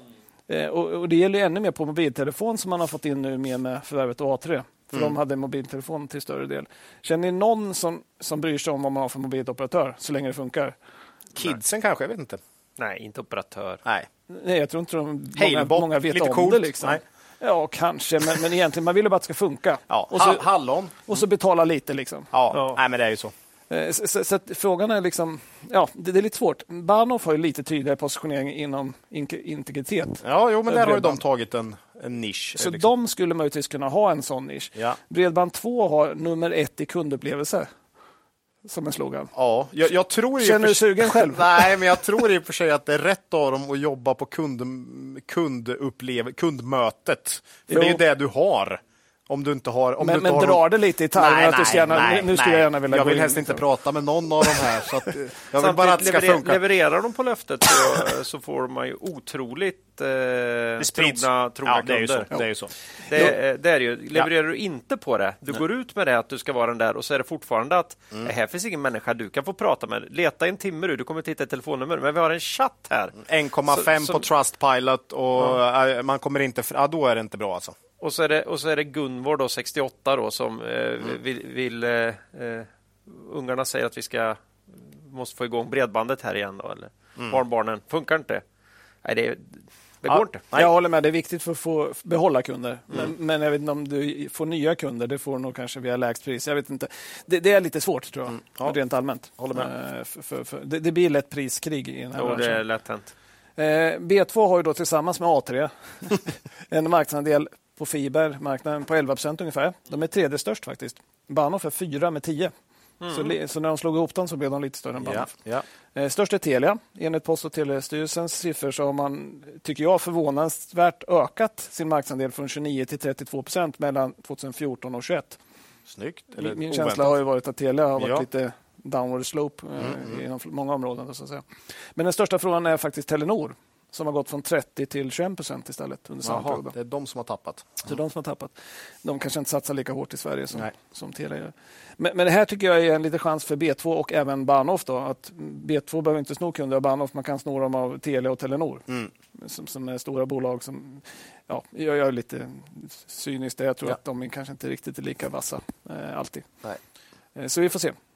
Eh, men problemet de senaste åren då är orsaken till kräftgången och aktien är att kunderna växer sakta. Eh, det var 4% upp 2022. Eh, det gjorde att omsättningen gick bara upp 1% med de tillväxttalen är det tveksamt om man kan sätta en så hög multipel som man haft på B2 historiskt sett. Nej, det är ett problem. Ja, för man har haft en väldigt hög värdering och det var ju logiskt. Man kombinerar ju jättefina attribut som hög tillväxt, återkommande intäkter, stabila marginaler. Mm. Eh, marknaden gillar ju det och enligt börsdata snitt P 27. Mm. EV ebit eh, 20. Ja. Det är det, högt. Ja. Bahnhof har väl haft något liknande har jag för mig. Så, ja. så det, ja. Men nu är omsättningstillväxten mycket svagare. Vad ska man ha för värdering då? Ja, den är svår. Och, ja, ska, och ska de tillbaks? Liksom. Och ska de tillbaks. Ja. Men vi kan också ta med balansräkningen. Den är jättestark. Ja. Man har en del eh, leasingskulder. Då. Mm. Tar man med dem som har nettoskuld inom ebitda på 0,8 men om man inte tar med leasing så har man nettokassa istället på 64. Eh, dela ut 8 öre eh, senast. Eh, direktavkastning 6,2 procent. Ja, det är ju grymt. Alltså. Det är högt. Ja. Och, och, och, jag menar, de har jättestark finansiell ställning, eh, starka kassaflöden, stabil verksamhet. Jag tror att de kan fortsätta dela ut så ungefär. Mm. Så det borde vara mumma för utdelningsinvesterare. Ja, grymt. Eh, Affärsvärlden hade en analys av, av bolaget nyligen. Där trodde man på tillväxt 2023 om 1 procent, 2024 2,5 Oj, och alltså, 2025 2. Jaha, så man, där, där drar man ut nuvarande på något sätt? Ja. Ja. Eh, och man trodde marginalen skulle stärkas lite grann. Mot 2022 hade en vinst per aktie på 8 öre. Till kurs 1,27 ger det P 15,8. ABG följer bolaget, tror på tillväxt på 3% i år, följer av 4,3 och sen 4. Så de tror inte heller på någon jättetillväxt. Nej. Och det här är orsaken till att kursen har dalat. Ja, ja, ja. Ehm, De tror också på stigande marginaler, en vinst per aktie på 9 öre P 14. Då. Vi, vi tycker väl egentligen det är rimligt att tro på lite stigande marginaler ändå. Mm. För man, man kommer ändå kunna realisera mer och mer synergier från det här och man kanske får lite mindre kundtapp ju längre in i processen man är. så att säga. Mm. Ehm, ja, men vi ligger också på 8 öre för, för 2023. Då. Ehm, man har en stark ställning. EB-EBIT eh, 11 utan leasing och 13 med leasing. Det är alltid svårt om man ska se på leasing. Ja. Ehm, Ja, men sen kan man fråga sig... Och, och så har bolaget också stora avskrivningar på immateriella tillgångar. Eh, så att kassaflödet är egentligen bättre än vad vinsten eh, tyder på. Eh, och de här kommer så småningom löpa. Man fick ganska mycket immateriella tillgångar när man köpte A3. Då. Mm. Och hur ska man då se på det här med värdering? Ja, det är Eh, inte dyrt, är det inte. Men nej. vilken tillväxt ska man tro på framåt? Det är exakt det som är frågan. För värderingen är ju klart lägre än vad har varit historiskt. Ja. Men då är tillväxten också mycket lägre. Mm. Eh, Vi gillar ju ändå att branschen är konjunkturstabil. Ja. Det är ingen snack om saken. Eh, Och eh, som sagt, för bolagen i branschen var det bra för, för dem att eh, B2 köpte A3. För man tog bort aggressiva konkurrenter. Mm. Så det borde bli stabilare prisbild. Då. Det gillar bolagen, kanske inte konsumenterna. Då. Vi, vi landar väl ändå att vi tycker aktien är ganska rimligt värderad eh, som den är nu. Men håll koll på tillväxten. För om den får lite fart så kommer aktien gå upp. Ganska bra potential. Jag, jag tror förmodligen, det är hela nyckeln. Där. Ja, Kommer de börja rulla på med bättre tillväxt igen eh, eller inte? Det- ja. Mm. Men, men den höga direktavkastningen som känns hållbar gör Mm. att nedsidan känns inte jättestor här. Tycker jag. Nej, jag Faktiskt. tycker det känns lite intressant faktiskt. Ja. Eh, Men som sagt, de måste trumma på med lite bättre tillväxt igen. Så. Ja, för att få fart på kursen Ja. så behöver tillväxten Ja. Men, men nedsidan borde inte vara särskilt stor, tycker jag. Kul! Så det Bredband intressant uppdatering på Bredband 2 då. Ja, Eh, eller B2. B2. Det är de här bananerna B1 och B2 kommer ni ihåg va? Det är de. Mm. Och deras kompis A3. Ja, Eh, grymt! Ja, så var det med det. Ja, Duni ja blir, Duni. blir det nu ni. Snyggt! Ska man snyggt. vänta på den eller? Ja, det är snyggt. Det är snyggt. Eh, var med senaste avsnitt 125. Mm. Då var det fortsatt tuffa tider när vi tog en eh, sen titt på Q2-rapporten 2022. Eh, Ja. Jag ska väl säga, vi, har- vi har inga aktier i Nej, just det. eh, B2. Det har vi inte. Nej, inte jag heller. Nej. Inga aktier i Bredband 2. Nej. Eh, då fortsätter Duni. Mm. Eh, ja, eh, vi var ju då alldeles för negativa kan vi se så här i, i efterhand Mm. eh, till rörelsemarginalen för helåret eh, 2022. Eh, och vi visste inte riktigt hur de skulle kunna genomföra prisökningar och hur de eventuellt skulle bita. Eh, vi såg en kraftig potential både i bolaget och, och dess värdering. Och eh, vi undrade lite grann vad det skulle kunna bli av den här strategiska översynen av Biopac. Mm. Var det en försäljning på G kanske? Eh, vi gissade också, det var Ola, på att eh, det skulle bli en återinförd utdelning. Och eh, det, blev, det blir det nu. Ja. Tre kronor kommer i två batcher. Ger ungefär 3% direktavkastning nu då. Eh, och eh, ställde, vi ställde till och med rakt ut frågan, när är det dags att köpa Duni? ja. Det, Ja. eh, Spännande. ja, för, eh, Vad har hänt? Ja, kursen var då 78 kronor. Mm. Och nu då sju månader senare handlas de till 106 kronor. Mm. Och det är ju efter Q1-rapporten då, i- som kom i slutet av förra veckan. Och på vägen dit bottnar de faktiskt ur eh, i månadsskiftet september-oktober på 62 kronor. Oj. Så då var det inte glatt. Så det har ju funnits chanser att köpa för de som är lite modigare än oss här kan man Ja. säga. Ja. Eh, när det gäller den strategiska översynen av Biopac då, så slutar den som vi redan berättat i ett aktuellt avsnitt här med att man sålde av 25 procent av bolaget till ett, eh, pr- sånt här private equity-bolag, 5V Capital, i december. Mm. De ska hjälpa till att få fart på det här på något sätt. Eh, så nu äger Duni 53 procent av Biopac. Och det tycker vi är toppen då. För eh, det är den här delen av bolaget som har haft en betydligt tuffare period efter pandemin Mm. än under pandemin kan man lugnt säga. För under pandemin räddar ju istället det här Biopac eh, bolaget Duni då. Och så måste vi återigen ta den här grejen som är Det så var väl förba- mycket hämtmat och sånt Ja. som, som gynnar deras produkter. Så Ja, en anledning till att man inte borde ta Duni alls är ju att du, bolaget Duni har ju två affärsområden. Mm. Där det ena affärsområdet är Biopac och det andra är Duni. ja, det är Det borde inte vara Det borde inte vara lagligt, men det är det. ja. Så förvirringen blir ju alltid total. Jag försöker ja. Pratar du om Duni eller affärsområdet Duni? Det är där jag kommer. Den frågan kommer jag ställa hela, hela tiden. Det kan ja. du få göra också. Ja. Eh, eh, så var det. Så, så Biopack räddade bolaget Duni från att falla igenom då, eh, här under pandemin. Man fick ju riktigt bra betalt också, tog vi upp. Så att balansräkningen är ju mycket trevligare nu än för ett år sedan. Man har, en nettoskuld genom ebitda på två ungefär. Ja, resultatet har ju förbättrats också kraftigt. Ja, här. Med. Men, men man hade ju tre för ett år sedan och där ligger ju gränsen för vad vi tycker är, ja. är, är aptitligt. Och då ska vi komma ihåg också att vi vet ju att räntorna har stigit rejält. Mm, mm. Ja, Q1-rapporten. Eh, den här kommer ju åter in då. Det har ju gått bättre här nu sen vi tog dem senast. Kommer ju åter in betydligt bättre än vi trott. Eh, med en omsättningsökning på 30 procent. Det var lite valuta där, men inte jättemycket. Och en 200 procentig ökning av rörelseresultatet. Det är mycket. Ja, det är det, verkligen. För de här har ju, alltså Duni har ju tagit så förbannat med stryk under covid. Alltså man har ju restauranger och hotell, hotell som, som, stora, stora kunder. Ja. Och det var liksom inte slut för ett år sedan. Det tänker man att den här pandemin, det var, ju, det var väl länge sedan. Mm. Ah, Q1 den... 2022 hade du kvar en ja. hel... Mm. Det, det var väl en till? Eh... Ja, ja, då var de tillbaka. Var det inte då det var att alla var tvungna hemma som hade ja. någon som var sjuk och hela den här biten? Ja, ja, och, ja precis. Liksom. Ja. Men det är... Det är bra det här. Alltså rörelsemarginalen eh, för hel, hela Duni hamnar mm. på 6% här. Ja. Och det var där ungefär man klockade in ibland precis innan pandemin då mm. efter förvärvet här av eh, Biopack. Mm. Eh, och både vi och marknaden var ju positivt överraskade av rapporten och den gick upp 6% direkt på rapportdagen här. Mm. Eh, vi kan också, eh, som jag var inne på, konstatera att den här fina utvecklingen kommer ju ifrån affärsområdet Duni. Mm. Det äger ju Duni till 100 Och eh, ja, utmaningarna finns i Biopack då, där man nu knappt äger hälften. Eh, under det här kvartalet har affärsområdet Duni ett operat en operativ rörelsemarginal på 10% och Biopack klockar in på en operativ rörelsemarginal på 1,1 procent. Så gamla Duni är tillbaka och juryn är ute när det gäller Biopack. kan vi väl säga. Då. Framåt. Här är det så skönt. Hade du med varför Biopack hade problem? Det där med att mm. man, man håller på att byta ut eh, plasten.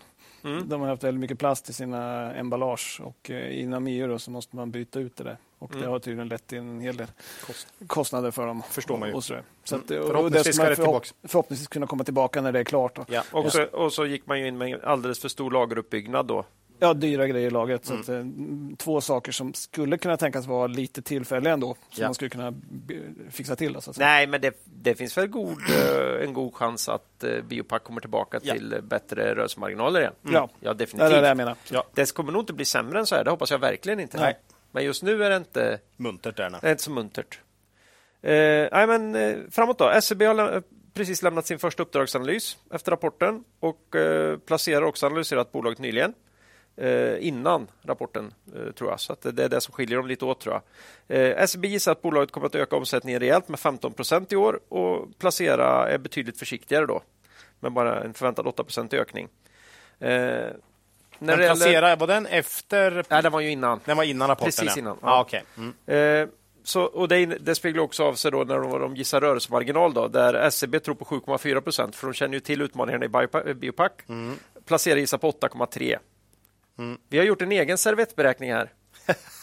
oh! Och där hamnar vi då nära SEB, mm. för vi har också lyxen att väga in Q1 i rapporten. Yeah, yeah. Så vi skissar på en vinst för 2023 på 8 miljarder och en rörelsemarginal på 7,4 procent. En omsättning på 8 miljarder? Ja, mm. nu är jag ute och cyklar. En omsättning på runt 8 miljarder och en rörelsemarginal på 7,4 procent.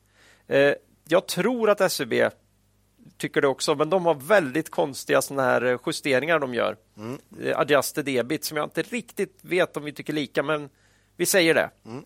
Vi, landar, vi landar i alla fall på en vinst per aktie för 2023 på 8,50 till mm. moderbolagets ägare. Mm. Det är lite högre än analytikerna. Ja, då har vi den här andra delen. Då. Vad ska man sätta för rimligt PE på Duni? Ja. Traditionell stabil verksamhet, mycket känt varumärke med kvalitetsstämpel i dagligvaruhandeln. Historiskt har eh, Duni handlats till ett P mellan 16 till 19 ungefär. Ja, det tycker vi är lite mastigt. Det är alltså, mastigt. 16 till 19, det blir lite Axfood, mm. Ica, Ica-varning på det va? Det, det sjuka där är ju att det har ju också handlats betydligt dyrare så, men också betydligt billigare än så då, ja, i ja. perioder. Mm. Kort uppstickare. Mm.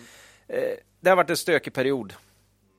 Det finns utmaningar i eh, den här i, i Biopack och det är också ganska svårt att veta exakt hur den här minoritetsandelen ska slå. Då. Mm. För det finns en hel del omsättning därifrån.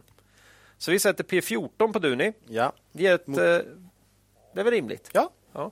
Ge ett fair value vid utgången av 2023 på 120 kronor. Dagens kurs var här 104 kronor såg jag när vi gick in. Mm. Vi tror också att marginalen ska upp lite kommande år. Uh, marknaden, fort, marknaden kommer fortsätta normaliseras för Duni. Vi har faktiskt köpt in oss i Duni. Mm. Det här är lite udda för att vara oss efter en så stor uppgång. Ja, men blir vi överraskade positivt av rapporten? Och vi, gjorde, mm. vi gjorde det i samband med rapporten. Mm. Hoppas på en bra utveckling i bolaget de kommande åren mm. och en ytterligare marginalförbättring då i affärsområde Duni. För de har, där finns det en bit kvar upp till det historiska snittet. Och Biopack kan ju också. Och vi, vi räknar med att mm. bio, Biopack, det blir inte värre än så här. Nej. Man är en bra bit från historiska marginaler ja. i dagsläget. Nej, men så även om MOS, äh, margin of safety kanske inte är jättehög då på ett års sikt Nej. så ser vi ju mycket chans till ännu bättre marginalökningar framåt och då ja. har du ju en, en vettig margin, äh, potential tycker vi. Mm. Och en fortsatt omsättningstillväxt här då. Ja, man ska komma ihåg att du, som du sa förut, var en av de här som drabbades hårdast nästan ja. av, av corona. Det var tufft. Ja, var och nu tufft. ser det ut som att man är på väg tillbaka. Man pratar ju om ja. att restauranger var tillbaka och, ja. och sådär. Så ja. det, det, ser, ju, det ser mm. momentummässigt i bolaget väldigt eh, bra ut tycker mm. vi. Eh, Fint. Kommande ja. perioder. Fint bolag. Mm. Så. Ja, då, då, ska vi fuska lite med bokstavsordningen här. Mm. För, för, nu tänkte jag nämligen att vi skulle prata lite om Nordnet. Mm. Vi har ju som vanligt en, Men jag har ju New Wave, det är ju före. Jag vet, men du får vänta. Okej, okay, snyggt. Jag fuskar ju. Jaha. Eh, vi har den stora glädjen att välkomna vår sponsor Nordnet till podden. Ja. ja. Eh, det har blivit hög tid att anmäla sig till årets Nordnet Live som går av stapeln i en digital eh, enhet nära dig onsdag den 11 maj. Mm. Klockan 11 till 13.30. Det är två och en halv späckade timmar där kan man säga. Ja, det brukar vara härligt. Ja, det här har ju blivit lite av en tradition redan och årets lineup är verkligen inget fel på.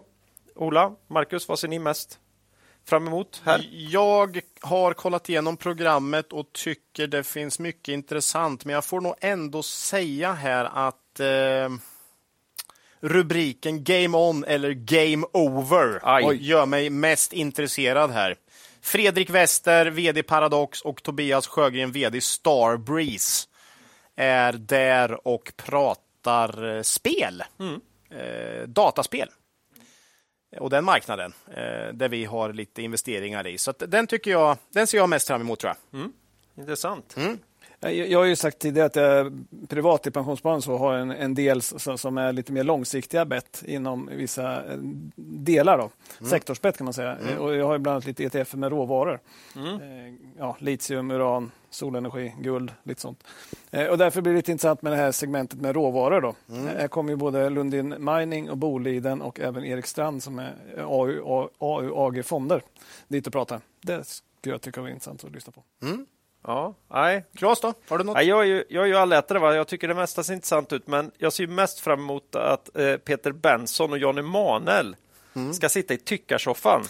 Jag räknar med en riktigt spännande energi mellan dem. Alltså. Ja, ja, ja, ja. Jag, jag hoppas på en, bara en verbal omgång. Ja, omgång inte. Och jag hoppas också att de ska hamna i någon slags eh, dialog med finansmarknadsminister Niklas Wykman. Mm. Om vägen framåt för Sverige Känns inte och omöjligt svensk ändå. finansmarknad. Så det, det ska bli riktigt spännande att lyssna på. Ja, lyssnarna då? Ja, Ola? Ja, sen har du hantera politisk risk i dina investeringar. Mm. Alltid intressant att fundera på den typen av, eh, av risker. Så det finns mycket intressant. Det är så att Nasdaqs vd kommer dit, så jag kan hoppas att någon frågar om hur det går med, med transparensen på börsen. Ja, ja. det med. Ja, det, det, ja, det, är mycket. det är mycket bra här. Den är mm. mycket bättre nu. Ja, ja. Mm. sa han ironiskt. Ja. Han. Mm. Men det säger Nasdaq i alla fall. Ja.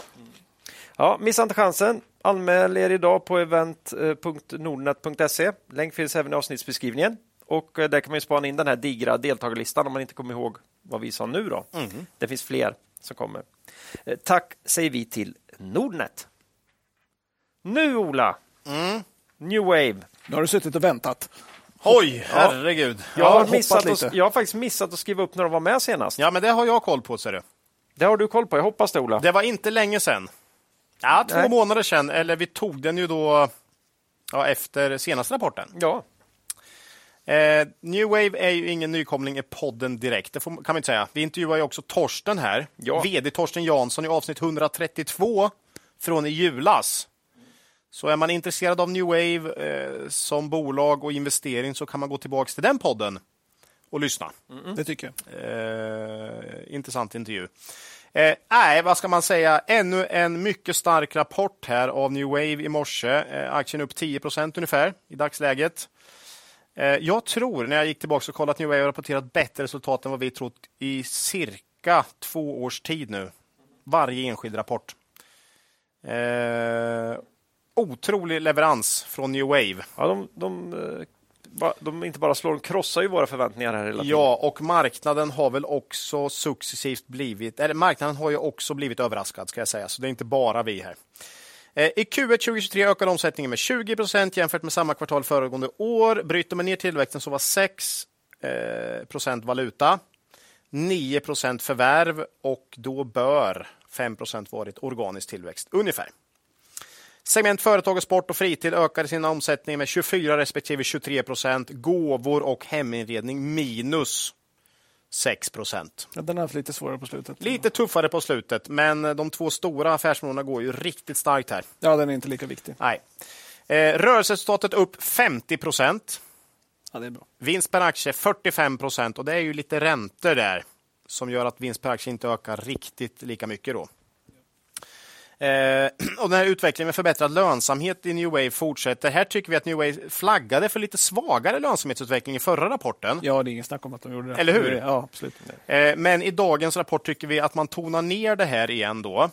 Eh, och om jag ska läsa lite till här vad Torsten skriver i rapporten så skriver han om framtiden. Vi har mycket tillväxt kvar i redan utvecklade produkter, inte minst inom craft skor och craft teamwear, där vi bara sett början. Eh, även inom Cutter Buck. Eh, Cutter Buck är ju golfmärke framför allt. Yep. Eh, och flera av våra varumärken inom profil och yrkeskläder finns stora möjligheter till fortsatt lönsam tillväxt. Vi kommer som jag tidigare skrivit att öka takten i produktutveckling, marknadsföring och introduktion av befintliga produkter och varumärken i flera länder. Detta inleddes redan under första kvartalet som det ser ut i dagsläget klarar nuvarande intäktsökningar att parera de kostnader utan att det får någon större negativ inverkan på våra resultat. Och där har vi pudelns kärna. Där har vi pudelns kärna mycket. va?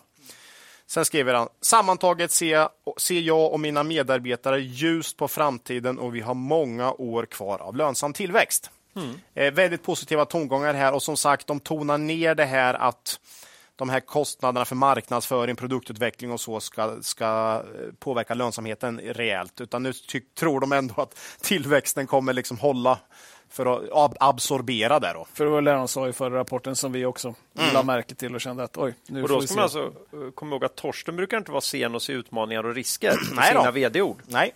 Det brukar inte vara några klang och jubelföreställningar. Jag tycker han börjar vara väldigt bara rak. Ja. Uh, han, han berättar mm. det han ser och tror. Ja.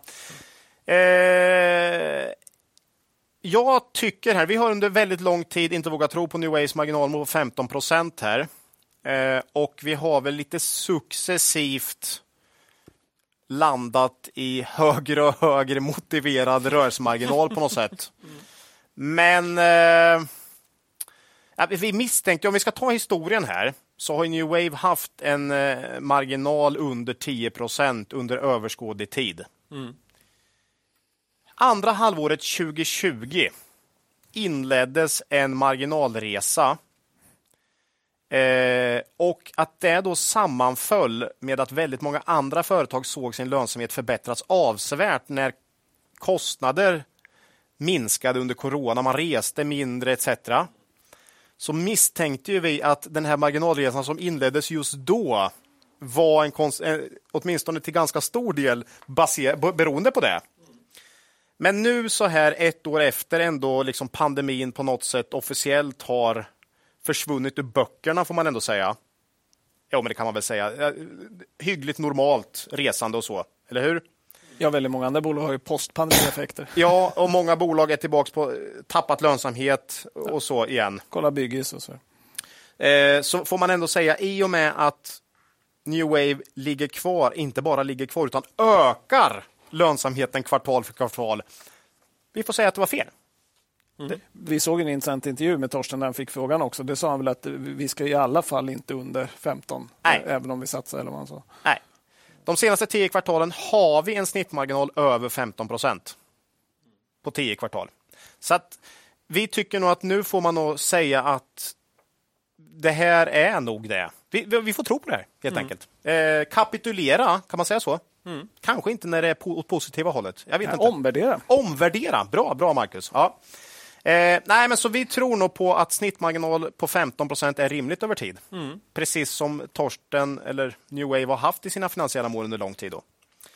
Eh, vi tror att mycket av det här bygger på en väldigt fin utveckling för framförallt Craft senaste tiden. Ett starkt varumärke kan man ta mer betalt för. Och bruttomarginalen såg vi gick upp från 47,5 till 50,5 från förra året. De hade ju någon presentation där de hintade att Craft hade marginaler som börjar på en tvåa eh, och de växer väldigt kraftigt. Ja, så, så, så, att det är klart, där har vi nog en förklaring. Eh, mm. Så är det. Eh, nej, men så marginalresan är vi, vi tror på den och vi tror att den är hållbar eh, faktiskt, där man eh, ändå drar in nu. Eh, vad gäller omsättningstillväxten då, om vi kollar på den istället, så har senaste tio åren snittat på en tillväxt per år på under, ja, ungefär 10 procent eller lite under. Men senaste tre åren så är 15 procent i snitt. Så här har faktiskt tillväxten också då förmodligen med mycket craft i bakgrunden taktat upp. Finansiella målen säger där 10 till 20 procent varav 5 till 10 organiskt. Så dubbelt. Mm. Man, man, ska dubbla tillväxten med förvärv enligt finansiella målen. Man gjorde ett förvärv som motsvarar ungefär 9 procent här i höstas. Då.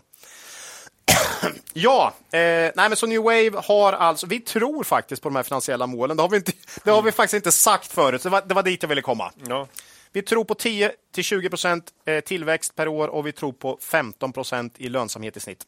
Efter dagens rapport uppskattar vi vinsten till cirka 20 kronor för 2023. De hade väl 17,50 för 2022.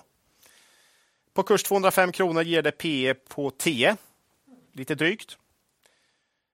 Ja, vi tycker inte New Wave är ett PTI-bolag. Vi måste säga det. Nej, inte med den här tillväxten. Och det är ju... Eh, det är för bra bolag för PTI faktiskt. Eh, vi tycker snarare över 15, minst. 15 eller över. Eh, med tanke på vad de presterar och vad vi, vad vi tror de kan prestera framåt. Torsten säger ju här att vi har många år kvar med lönsam tillväxt. Tror man på Torsten? Det, det, skulle, det skulle vara det här med lagret då? ja, som vi också, men det kom ja. vi tillfreds med för ganska ja, länge sedan. Det var länge sedan. Mm. Ja. Eh, balansräkningen... Nu... Jag håller med dig. För, för laget säger Torsten själv att man ska se det som att om de ökar laget, det är inte bara på chans, utan de vet om att de har mm. bra tider framför sig, så att man kan se laget nästan som en prognos framåt. Ja. att man ska bli mer orolig om de minskar laget ordentligt. Ja, det är, våra, det är ju våran tolkning av det. Mm. Ja. ja, men jag för man sa ja, det ganska... Alltså. In, men det är en intressant take, när, när många historiskt har kollat på det som en risk mer. Så. Mm. Eh, balansräkningen är i gott skick. 1,4 i nettoskuld genom ebitda. Jag tror man kan räkna med fler förvärv framöver här eh, för att boosta tillväxten. New Wave har föreslagit en utdelning på 6,50 här. Uppdelat på två tillfällen. Direktavkastning 3,2 procent. Det är bra. New Wave föreslår split också till stämman. 2 till 1. Mm. Så här vill man inte ha kurs över 200. Nej. Uh, nej, så ner mot 100 då, om den här kursen står sig. Eh, det gillar ju vi. Mm, mycket som händer. Vi har köpt in New Wave. Det har vi inte sagt förut. Men det gjorde vi under mars månad efter det här hiskeliga raset. Den följer från 250 till 180 spänn under... 165 som lägst. Ja, precis. Jag tror vi fick snittkurs på 175 där ungefär. Okay. Mm. Eh, men under bara februari månad tappade den från 250 till 180. Ja, våldsamt ner. Och sen köpte vi mycket i februari och vi har dessutom ökat idag på 205. Mm. För vi tyckte den här rapporten överraskade oss än en gång positivt. Mm. Man var en rökare. Mm. Ja, vi köpte en hel del i kolen faktiskt. Eh, nej, men vi tror på Torsten eh, när han säger att man har många år kvar av lönsam tillväxt. Och blir det så så ska inte värderingen vara P10, tror vi.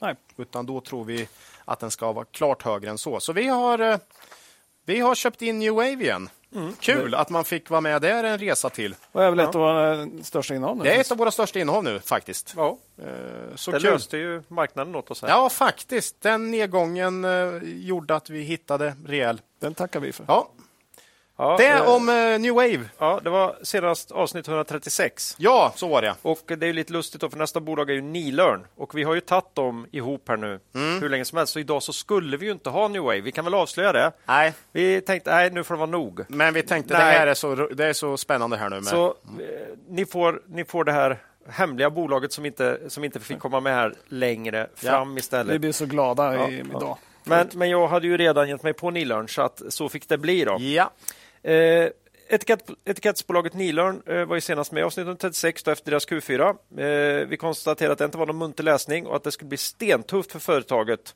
som ju också gick som tåget under pandemin. Eh, vi gissade här att ja, Q4 var ju kass, så, men jämförelsekvartalen fram, fram till dess då i, inte skoj då. Och nu Nej. har vi fått den första lägesrapporten då i form av Q1 släpptes förra veckan. Och eh, några dagar innan, innan den kom ju dessutom årsredovisningen då. Eh, eh, och ska vi då ta utdelningen man tänker lämna här då för 2022 som en indikation på vad bolaget tror om framtiden är det ju ingen ko på isen. Eh, de behåller utdelningen på 5 kronor, ger 7% direktavkastning och eh, ja, för aktiekursen är ungefär 70 spänn då. Eh, men bolaget har ju som mål att dela ut 60-90% av resultatet. Och då hamnar man faktiskt i den nedre delen av det spannet med den här utdelningen. Så det är lite konstigt att dela 7 direktavkastning om är man ju är i nedre sitt... del. Mm. Man Ja. har ju historiskt sett haft hög direktavkastning. Ja, ja. Så Och att man, gjorde behåller, man en- behåller, en, man behåller väldigt, väldigt fin vinst förra året också. Ja.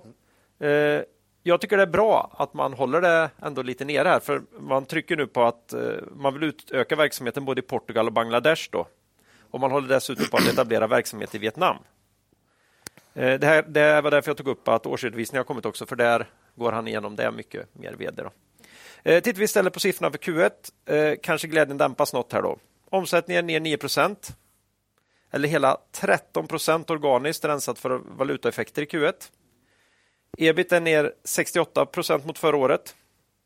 Mm. Marknaden gillar inte det här. Handlar ner aktien 4,5% på rapportdagen. Nej, det var inte så mycket ändå, men den har ju tappat mycket innan. Alltså. Ja, vi hade ju väntat oss ett större tapp i omsättning, men trott att man skulle kunna försvara sin rörelsemarginal mycket bättre då. Eh, nu levererar man istället en, eh, en rörelsemarginal på 7,6 procent, vilket är ju i nära det här ursvaga Q4 då. Eh, Men då ska man också komma ihåg att det kvartalet tyngdes av en massa bonusar vars storlek bolaget vägrar att precisera. Så troligen är ju det här vi ser nu i Q1 den lägsta marginalen sedan, sedan eh, pandemiåret. Då. För inledningen på pandemin, då vet du, då stannade ju allt upp. Ja. Eh, då, ja, då var det tufft. 2020 var det tufft. Då var man under det här.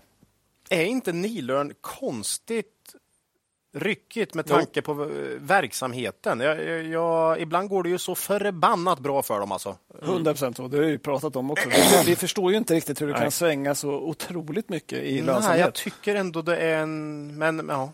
Nej, ibland går det så förbannat bra för dem. Ja. Och ibland Ja. blir det tvärstopp. Ja. Och det är ju stopp nu i, i, eh, Mm. Ja. i klädförsä- Jo, jo, klädförsäljningen. ja, men det, är, det är ju det. Och det, är det skriver vd Christer Magnusson i vd-ordet att Ja. eh, de etablerade marknaderna i Skandinavien, England och Tyskland har haft en mycket svag utveckling. Ja, Medan man då har gjort framsteg inom lyxsegmentet i Frankrike och Italien. det låter ju bra. Och att eh, den här försäljningen som sker då i närheten, alltså i närheten av deras produktionssajter i Bangladesh och Portugal också går bra.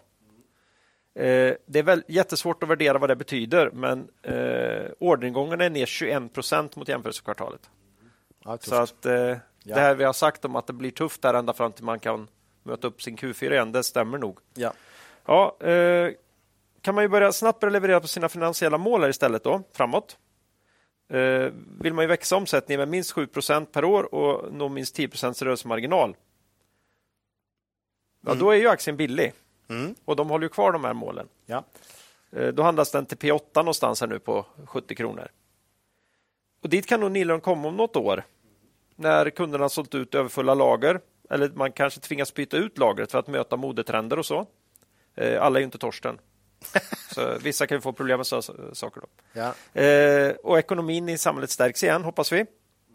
Men innan det händer så tror vi på en eh, fortsatt minskad omsättning, en, for, en eh, fortsatt rörelsemarginal under 10 Ja. ABG gör uppdragsanalys här. Vad tror de?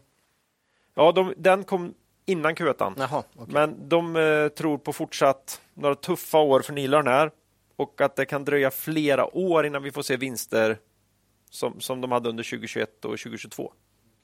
Så de är inte jättepeppiga. Nej. Det är väl monsterkvartal Q2 Q3 va, som Ja. ja. går upp emot nu som är Tuffa riktigt, riktigt starka förra året. Men som sagt var, det är ju den här ryckigheten Ja. i Nilörn, så man ska aldrig släppa Nilörn. Nej, helt plötsligt För så när kommer de väl 30 vänder, då procent brukar, till. de orka hålla i, då brukar det hålla i ett tag. Ja, och då är det liksom så här 30 procent till. Vad i... Vad är det som händer? Ja. Eh, för jag tror att de faktiskt kommer komma tillbaka till sin 10% igen. Det brukar de alltid göra. Och särskilt om man nu satsar här. ja. Eh, bra, man har bra finansiell ställning. Ja, och det, klädbranschen har ju lite tufft faktiskt. Så att, eh, ja, nej, jag, jag tror det också.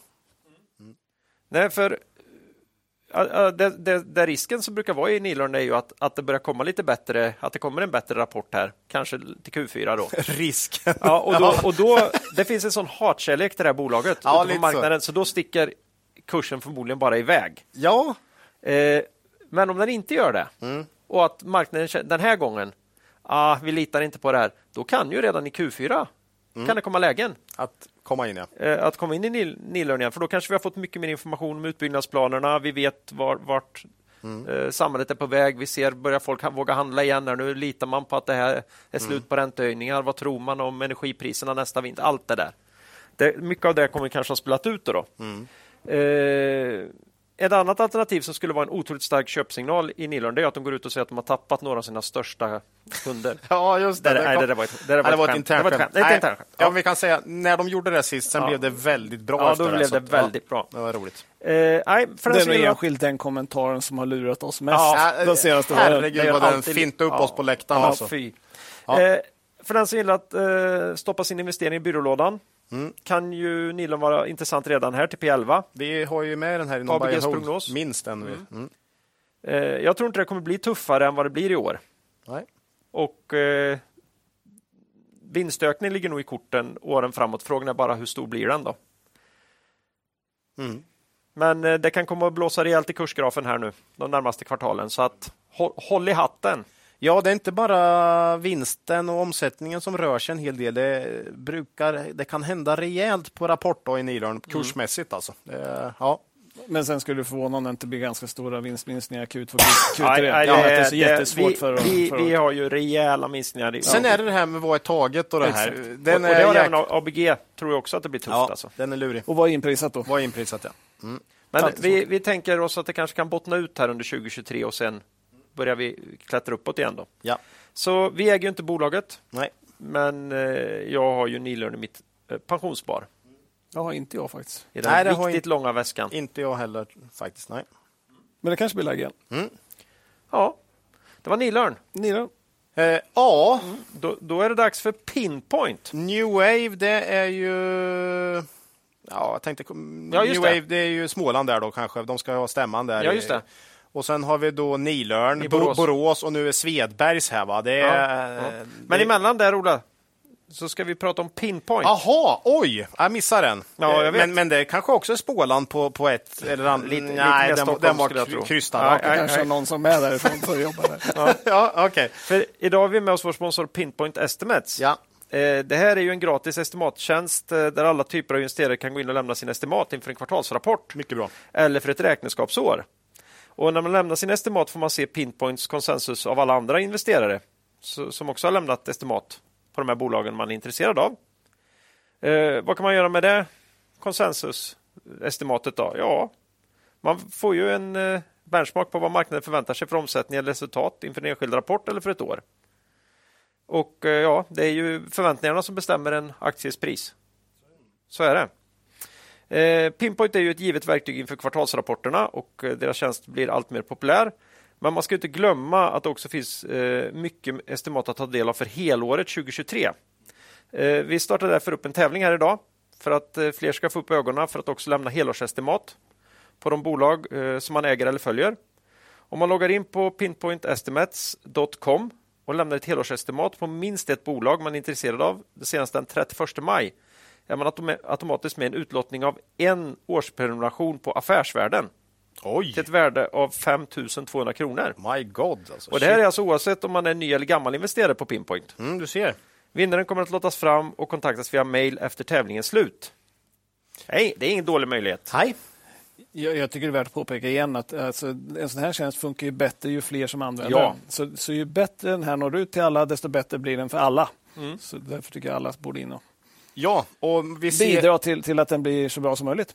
Och vi ser an, antal estimat öka för varje kvartal här och i vissa bolag är det upp på 100 estimat. Och, och då når man den här wisdom ja. of the crowds-effekten som, som man vill åt. Liksom. Om vi kollar idag, eh, New Waves eh, rapport då till exempel, eh, vinst per aktie 16 procent över Pinpoint konsensus. Aktien upp 10 procent. Ja, eh, en bättre rapport och så eh, bra utfall. Det är Intressant. Och det är bra för, för, för, många små bolag, täcks ju inte analytiker, så det Nej. finns liksom ingenting att hålla sig riktigt på samma sätt. Och då Nej. kan man, om man får igång det här riktigt bra, få en, en bra bild. Så att säga. Desto fler, vi, desto bättre. Vi lägger in så mycket estimat vi hinner. Ja.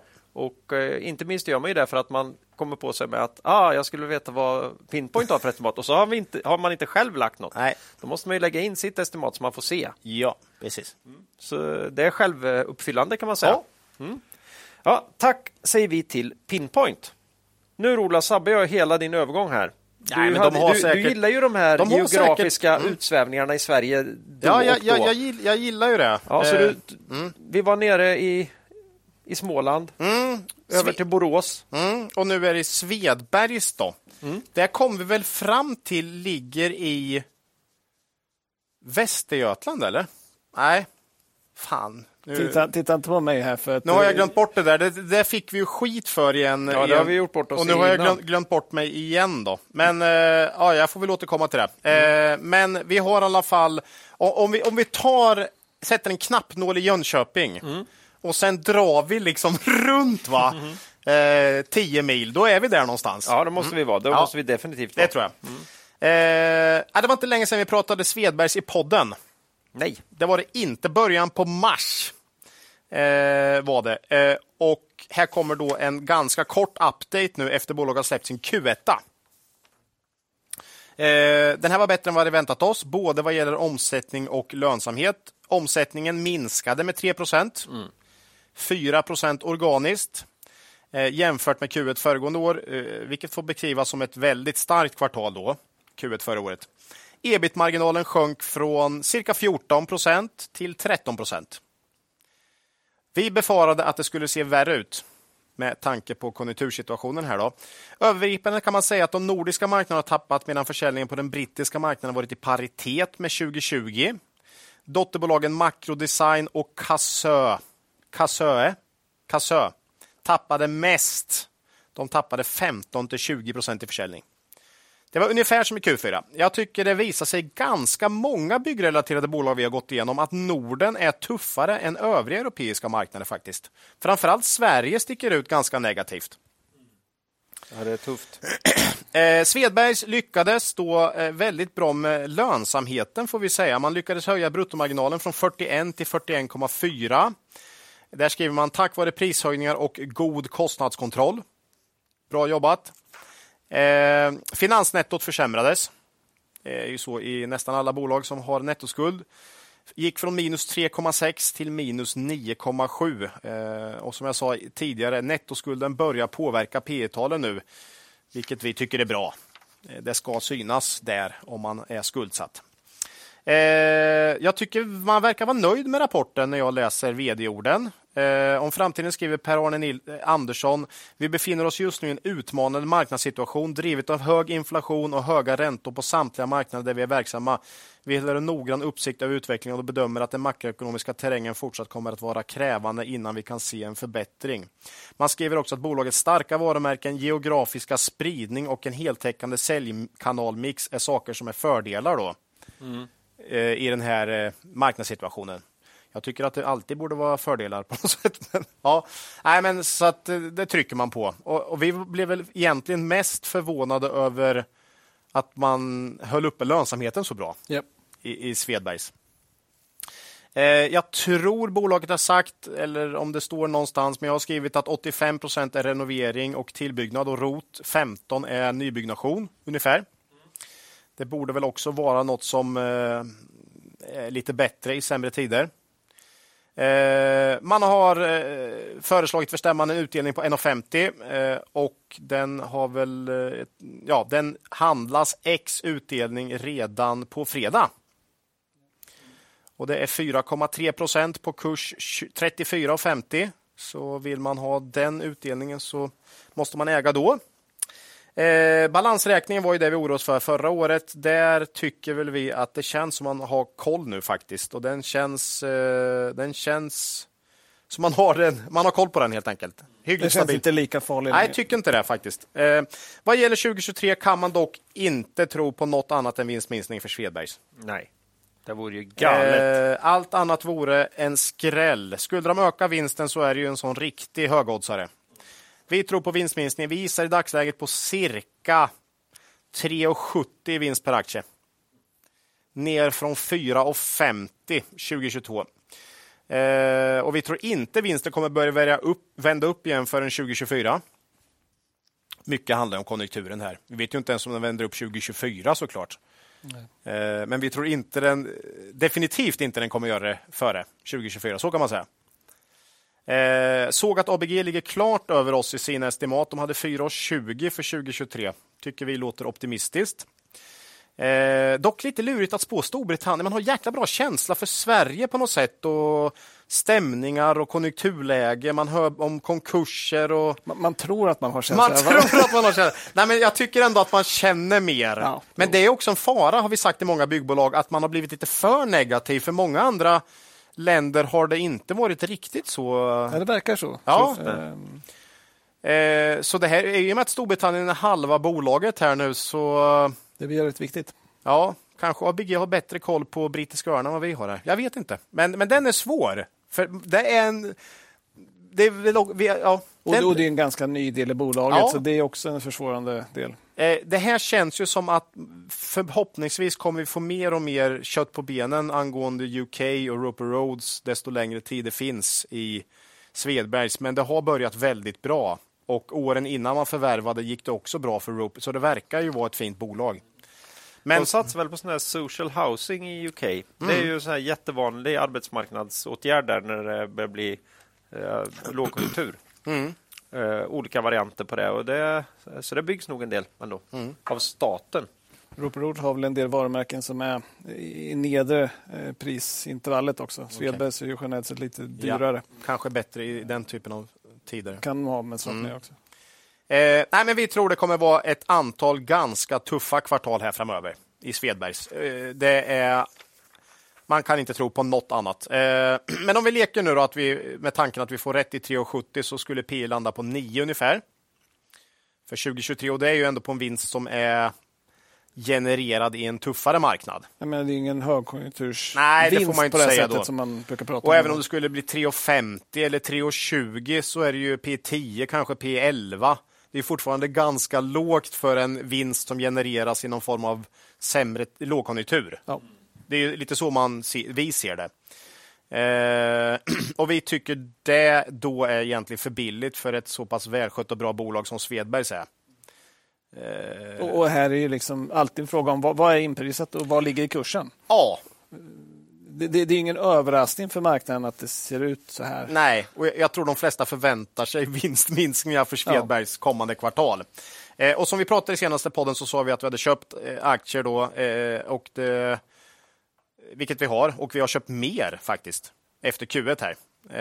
Eh, så vi, vi tror på Svedbergs. Vi är beredda att syna ner de här förväntat svaga rapporterna har vi sagt. I dagsläget känner vi att vi är beredda att syna ner det här. Eh, för vi tycker att aktien är för billig sett till bolagets liksom långsiktiga eh, intjäningsförmåga. Och då ska man säga vi, vi sitter i en situation där vi inte tycker att vi blir nedsudlade av andra case. Nej, precis. Eh, Svedbergs tycker ska... vi är för billigt sett till sin normalvinst. Men nu kommer det vara tuffare, klart tuffare mm. något år. Eh, men vi, i dagsläget är vi beredda att syna ner det. Eh, för vi tycker det är så pass billigt. Mm. Men jag känner oss, det kan ändras fort. Det kan ändras fort, ja. who knows. Men, eh, det kanske dyker upp jättemånga andra jättefina billiga bolag. Som, ja, också. Där vi tror på eh, vinstexplosion. Vem Vinst, vet? Vinstökning ja. Ja. Eh, nej, men Svedbergs äger vi, som vi sa senast. Vi pratade om Svedbergs. Eh, bättre rapport än väntat. Mm. Yep. Vi sa att de var med 137 va? Nej, det sa jag, men nu sa du det. Så det är ju bra. Eh, så är det. Sista bolaget ut idag då? Så är det. Waystream. Fiberswitch-bolaget uh, uppvisar lite ryckighet i framgångståget här. Tog mycket stryk på sin rapport.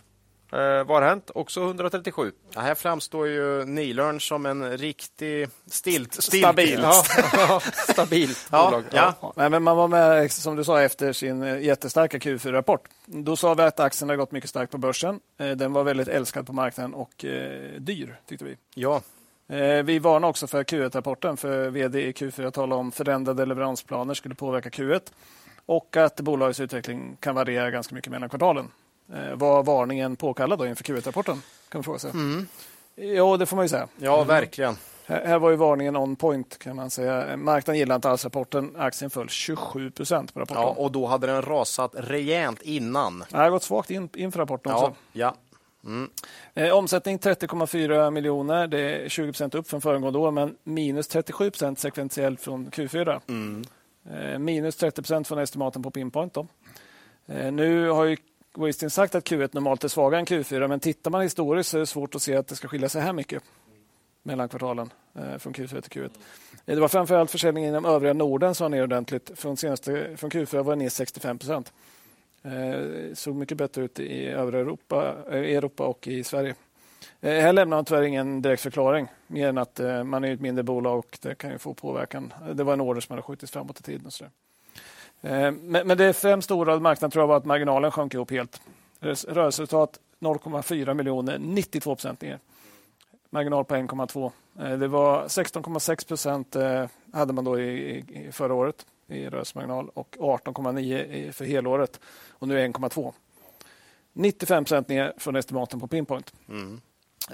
Sen är bolaget litet, så några miljoner slår ju väldigt mycket procentuellt. Jag ska komma ihåg det, att det här är ett ganska lit, eller väldigt litet bolag ja. ändå, så att då får ju enskilda saker stor eh, effekt. Ja, men det får ju det. Mm. Så, så, när man pratar procent så blir det ganska häftiga tal. Ja. Eh, på, på, på, inte så mycket miljoner. Så att säga. Mm. Men tittar man lite på kostnaderna. Personalkostnader upp 23, eh, 33 procent från förra året, men bara 2,8 procent plus från Q4. Övriga externa kostnader, samma sak. 61 procent upp från förra året, men bara 2,8 procent upp från Q4. Så det finns ingen hastig kostnadsexplosion eh, på slutet här som Nej. föranleder marginalfallet. så att säga. Eh, utan kostnaderna har inte ökat så jättemycket från Q4. Nej. Utan det här beror istället på att försäljningen har vikt ner. Eh, kostnadsutveckling tycker inte jag heller är orimlig. Man är i en expansiv fas, man öppnar kontor i Tyskland och så vidare. Jag tycker inte det ser så konstigt ut där egentligen. Nej. När vi pratade om det förra gången så gick vi igenom potentialen med ramavtalet att träffa med Telia. Då. Eh, det här är ett viktigt avtal. Det angavs i rapporten att man är inne i en intensiv testperiod med Telia. Där man testar produkten noggrant för att fungera optimalt i Telias nät. Vi blev lite överraskade här ändå. För vi, vår bild var ju att innan man tecknade ramavtalet så hade man gjort ganska mycket testning eh, hållit på med det i en bra stund. Eh, och att man då behöver ännu mer testning, det trodde kanske inte vi riktigt så. Eh, förhoppningsvis kan det här testerna klaras av snart och då kan man börja påbörja leveranser. Då. Eh, och det här avtalet är viktigt för marknadens syn på bolaget eh, och något som vi tror krävs för att aktien ska vända upp eh, igen. Då. Mm. Det blir väldigt spännande att se när det här kommer igång så att säga, och hur det går. En ljusglimt i rapporten var att man levererat 50% av den här stora ordern i Tyskland som man har talat om under, man fick den hösten 2022. Den sköts ju fram lite grann, men nu har man levererat hälften. Då. Eh, den marknaden växte ju då kraftigt i Q1. Eh, för långa caser behöver ju den expansionen i Tyskland fungera också. Eh, så det är ett bra steg på vägen. Förhoppningsvis kan man ha det här som en referensorder och få fler nya kunder. Då. Understött av nya kontoret i Tyskland. En lite negativ sak om Tyskland här var att Waystream sa att i Centraleuropa använder man ofta enklare 1G-switchar. 1 gigabyte och inte de mer avancerade 10 gig-switcharna som är vanliga i Sverige. Då. Eh, och ju mer avancerade desto bättre marginaler så att säga. Mm. Eh, så att om, om eh, det slår i, i Tyskland och i Centraleuropa så får man räkna med lite lägre bruttomarginaler än vad man har haft i Sverige tidigare. Så att säga. Men de kanske också vill ha bättre switchar så småningom? Kan bli så sen. Mm. Det, det har lite att göra hur man sätter upp näten också. Hur mycket funktion man lägger mm. på switcharna okay. och hur mycket man lägger längre upp i näten och så vidare. Så att, Men, men, det kan absolut bli så. Men det, det, det tror jag man har sagt också. Att i, I Sverige har vi haft bra bredband hela tiden, så stegen när man skaffar snabbare är inte lika stora som när man går från väldigt låg nivå i Tyskland och så där, uppåt. Så. Nej. Om man går från ADSL liksom. Precis. Mm. Eh, lite kritik till bolaget. Då. I vd-ordet eh, så, så sa man att det var ett ytterligare bra kvartal för man växte 20% vilket är över målet om att växa 10-15 eh, Det är lite konstigt att läsa den delen när aktien störtdyker. Mm. Eh, lönsamheten var ju väldigt lågt och väldigt långt ifrån målet. Eh, man växte mycket mindre än vad man gjorde i slutet på förra året.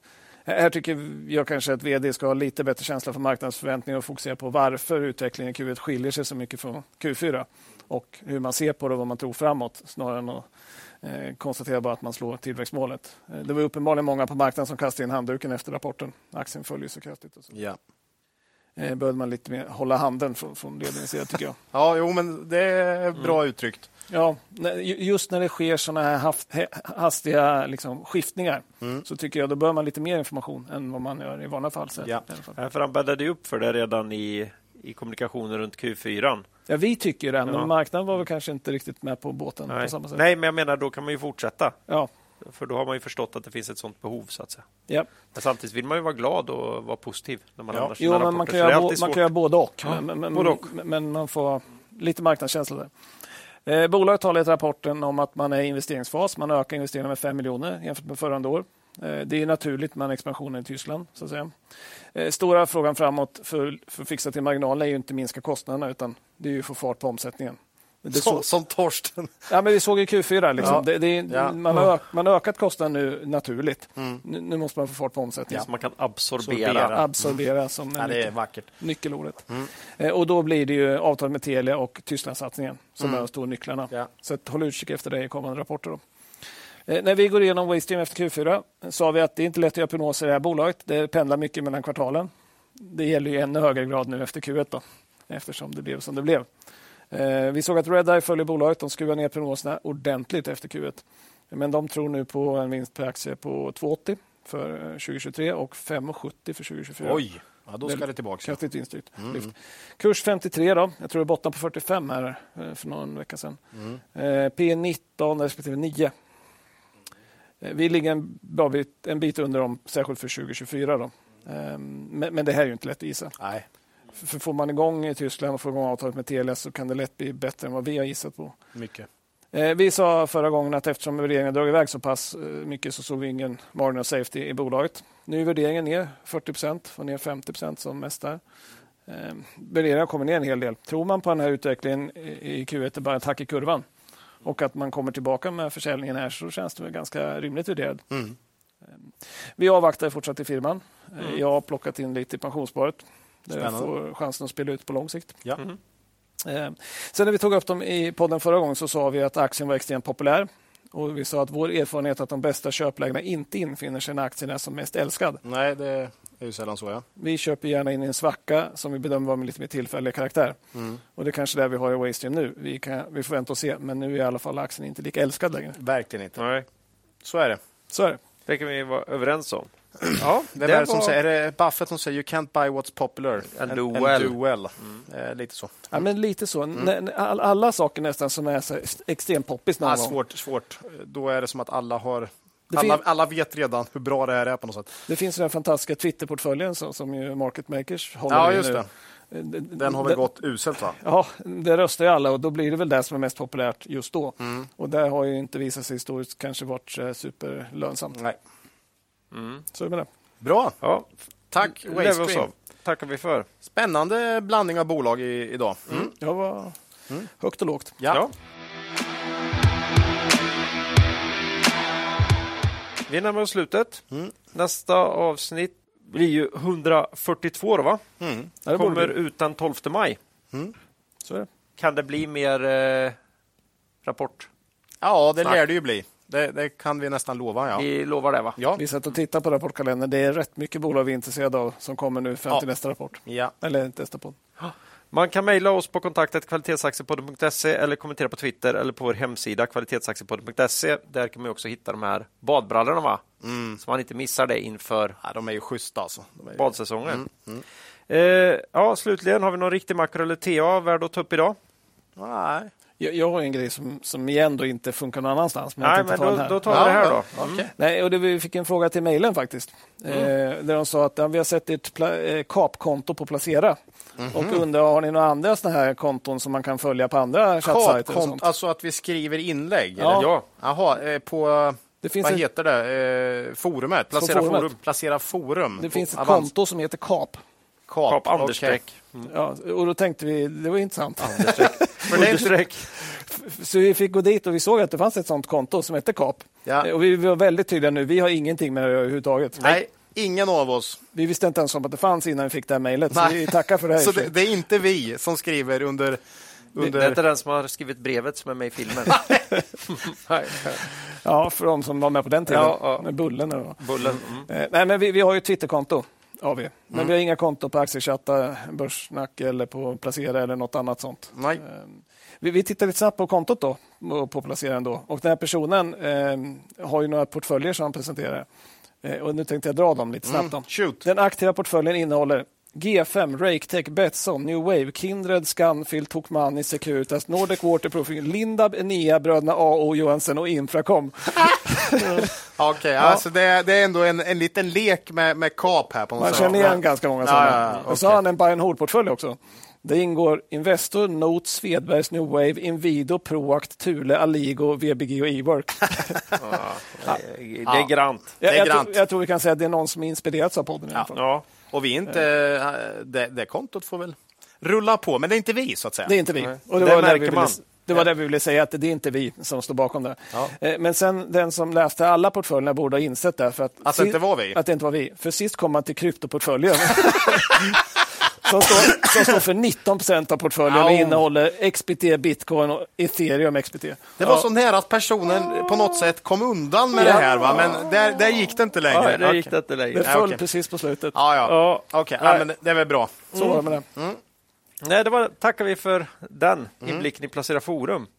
Eh, eget ägande då? Ja, idag hade vi ju en del då igen. Vi har Duni, mm. vi har New Wave och vi har Svedbergs av de bolag vi eh, gjorde lite längre analyser på här. Ja, det var nog så. I firman. Ja. Och pensionsbörs har vi när vi gick igenom. Ja, det gjorde vi. Precis. Ja. ja. Eh, ja, då vill vi innan vi slutar påminna lyssnare om den fina möjlighet som finns att månadsspara i Cavaliers fonder. Det kan man göra enkelt, eh, bland annat på Nordnet och Avanza och eh, då även i sitt pensionsspar om man har det där. Kom, ihåg då, kom då ihåg att historisk avkastning i fonder inte behöver vara en indikator på framtida avkastning och att ni kan förlora delar av ert satsade kapital då fonder både kan gå upp och ner i värde. Ja, men då vill vi tacka alla lyssnare för visat intresse och ber er komma ihåg att det är först när tidvattnet drar sig tillbaka som ni får se vem som badat naken. Lose money for the firm and I will be understanding. Lose a shred of reputation for the firm and I will be ruthless. I welcome your questions.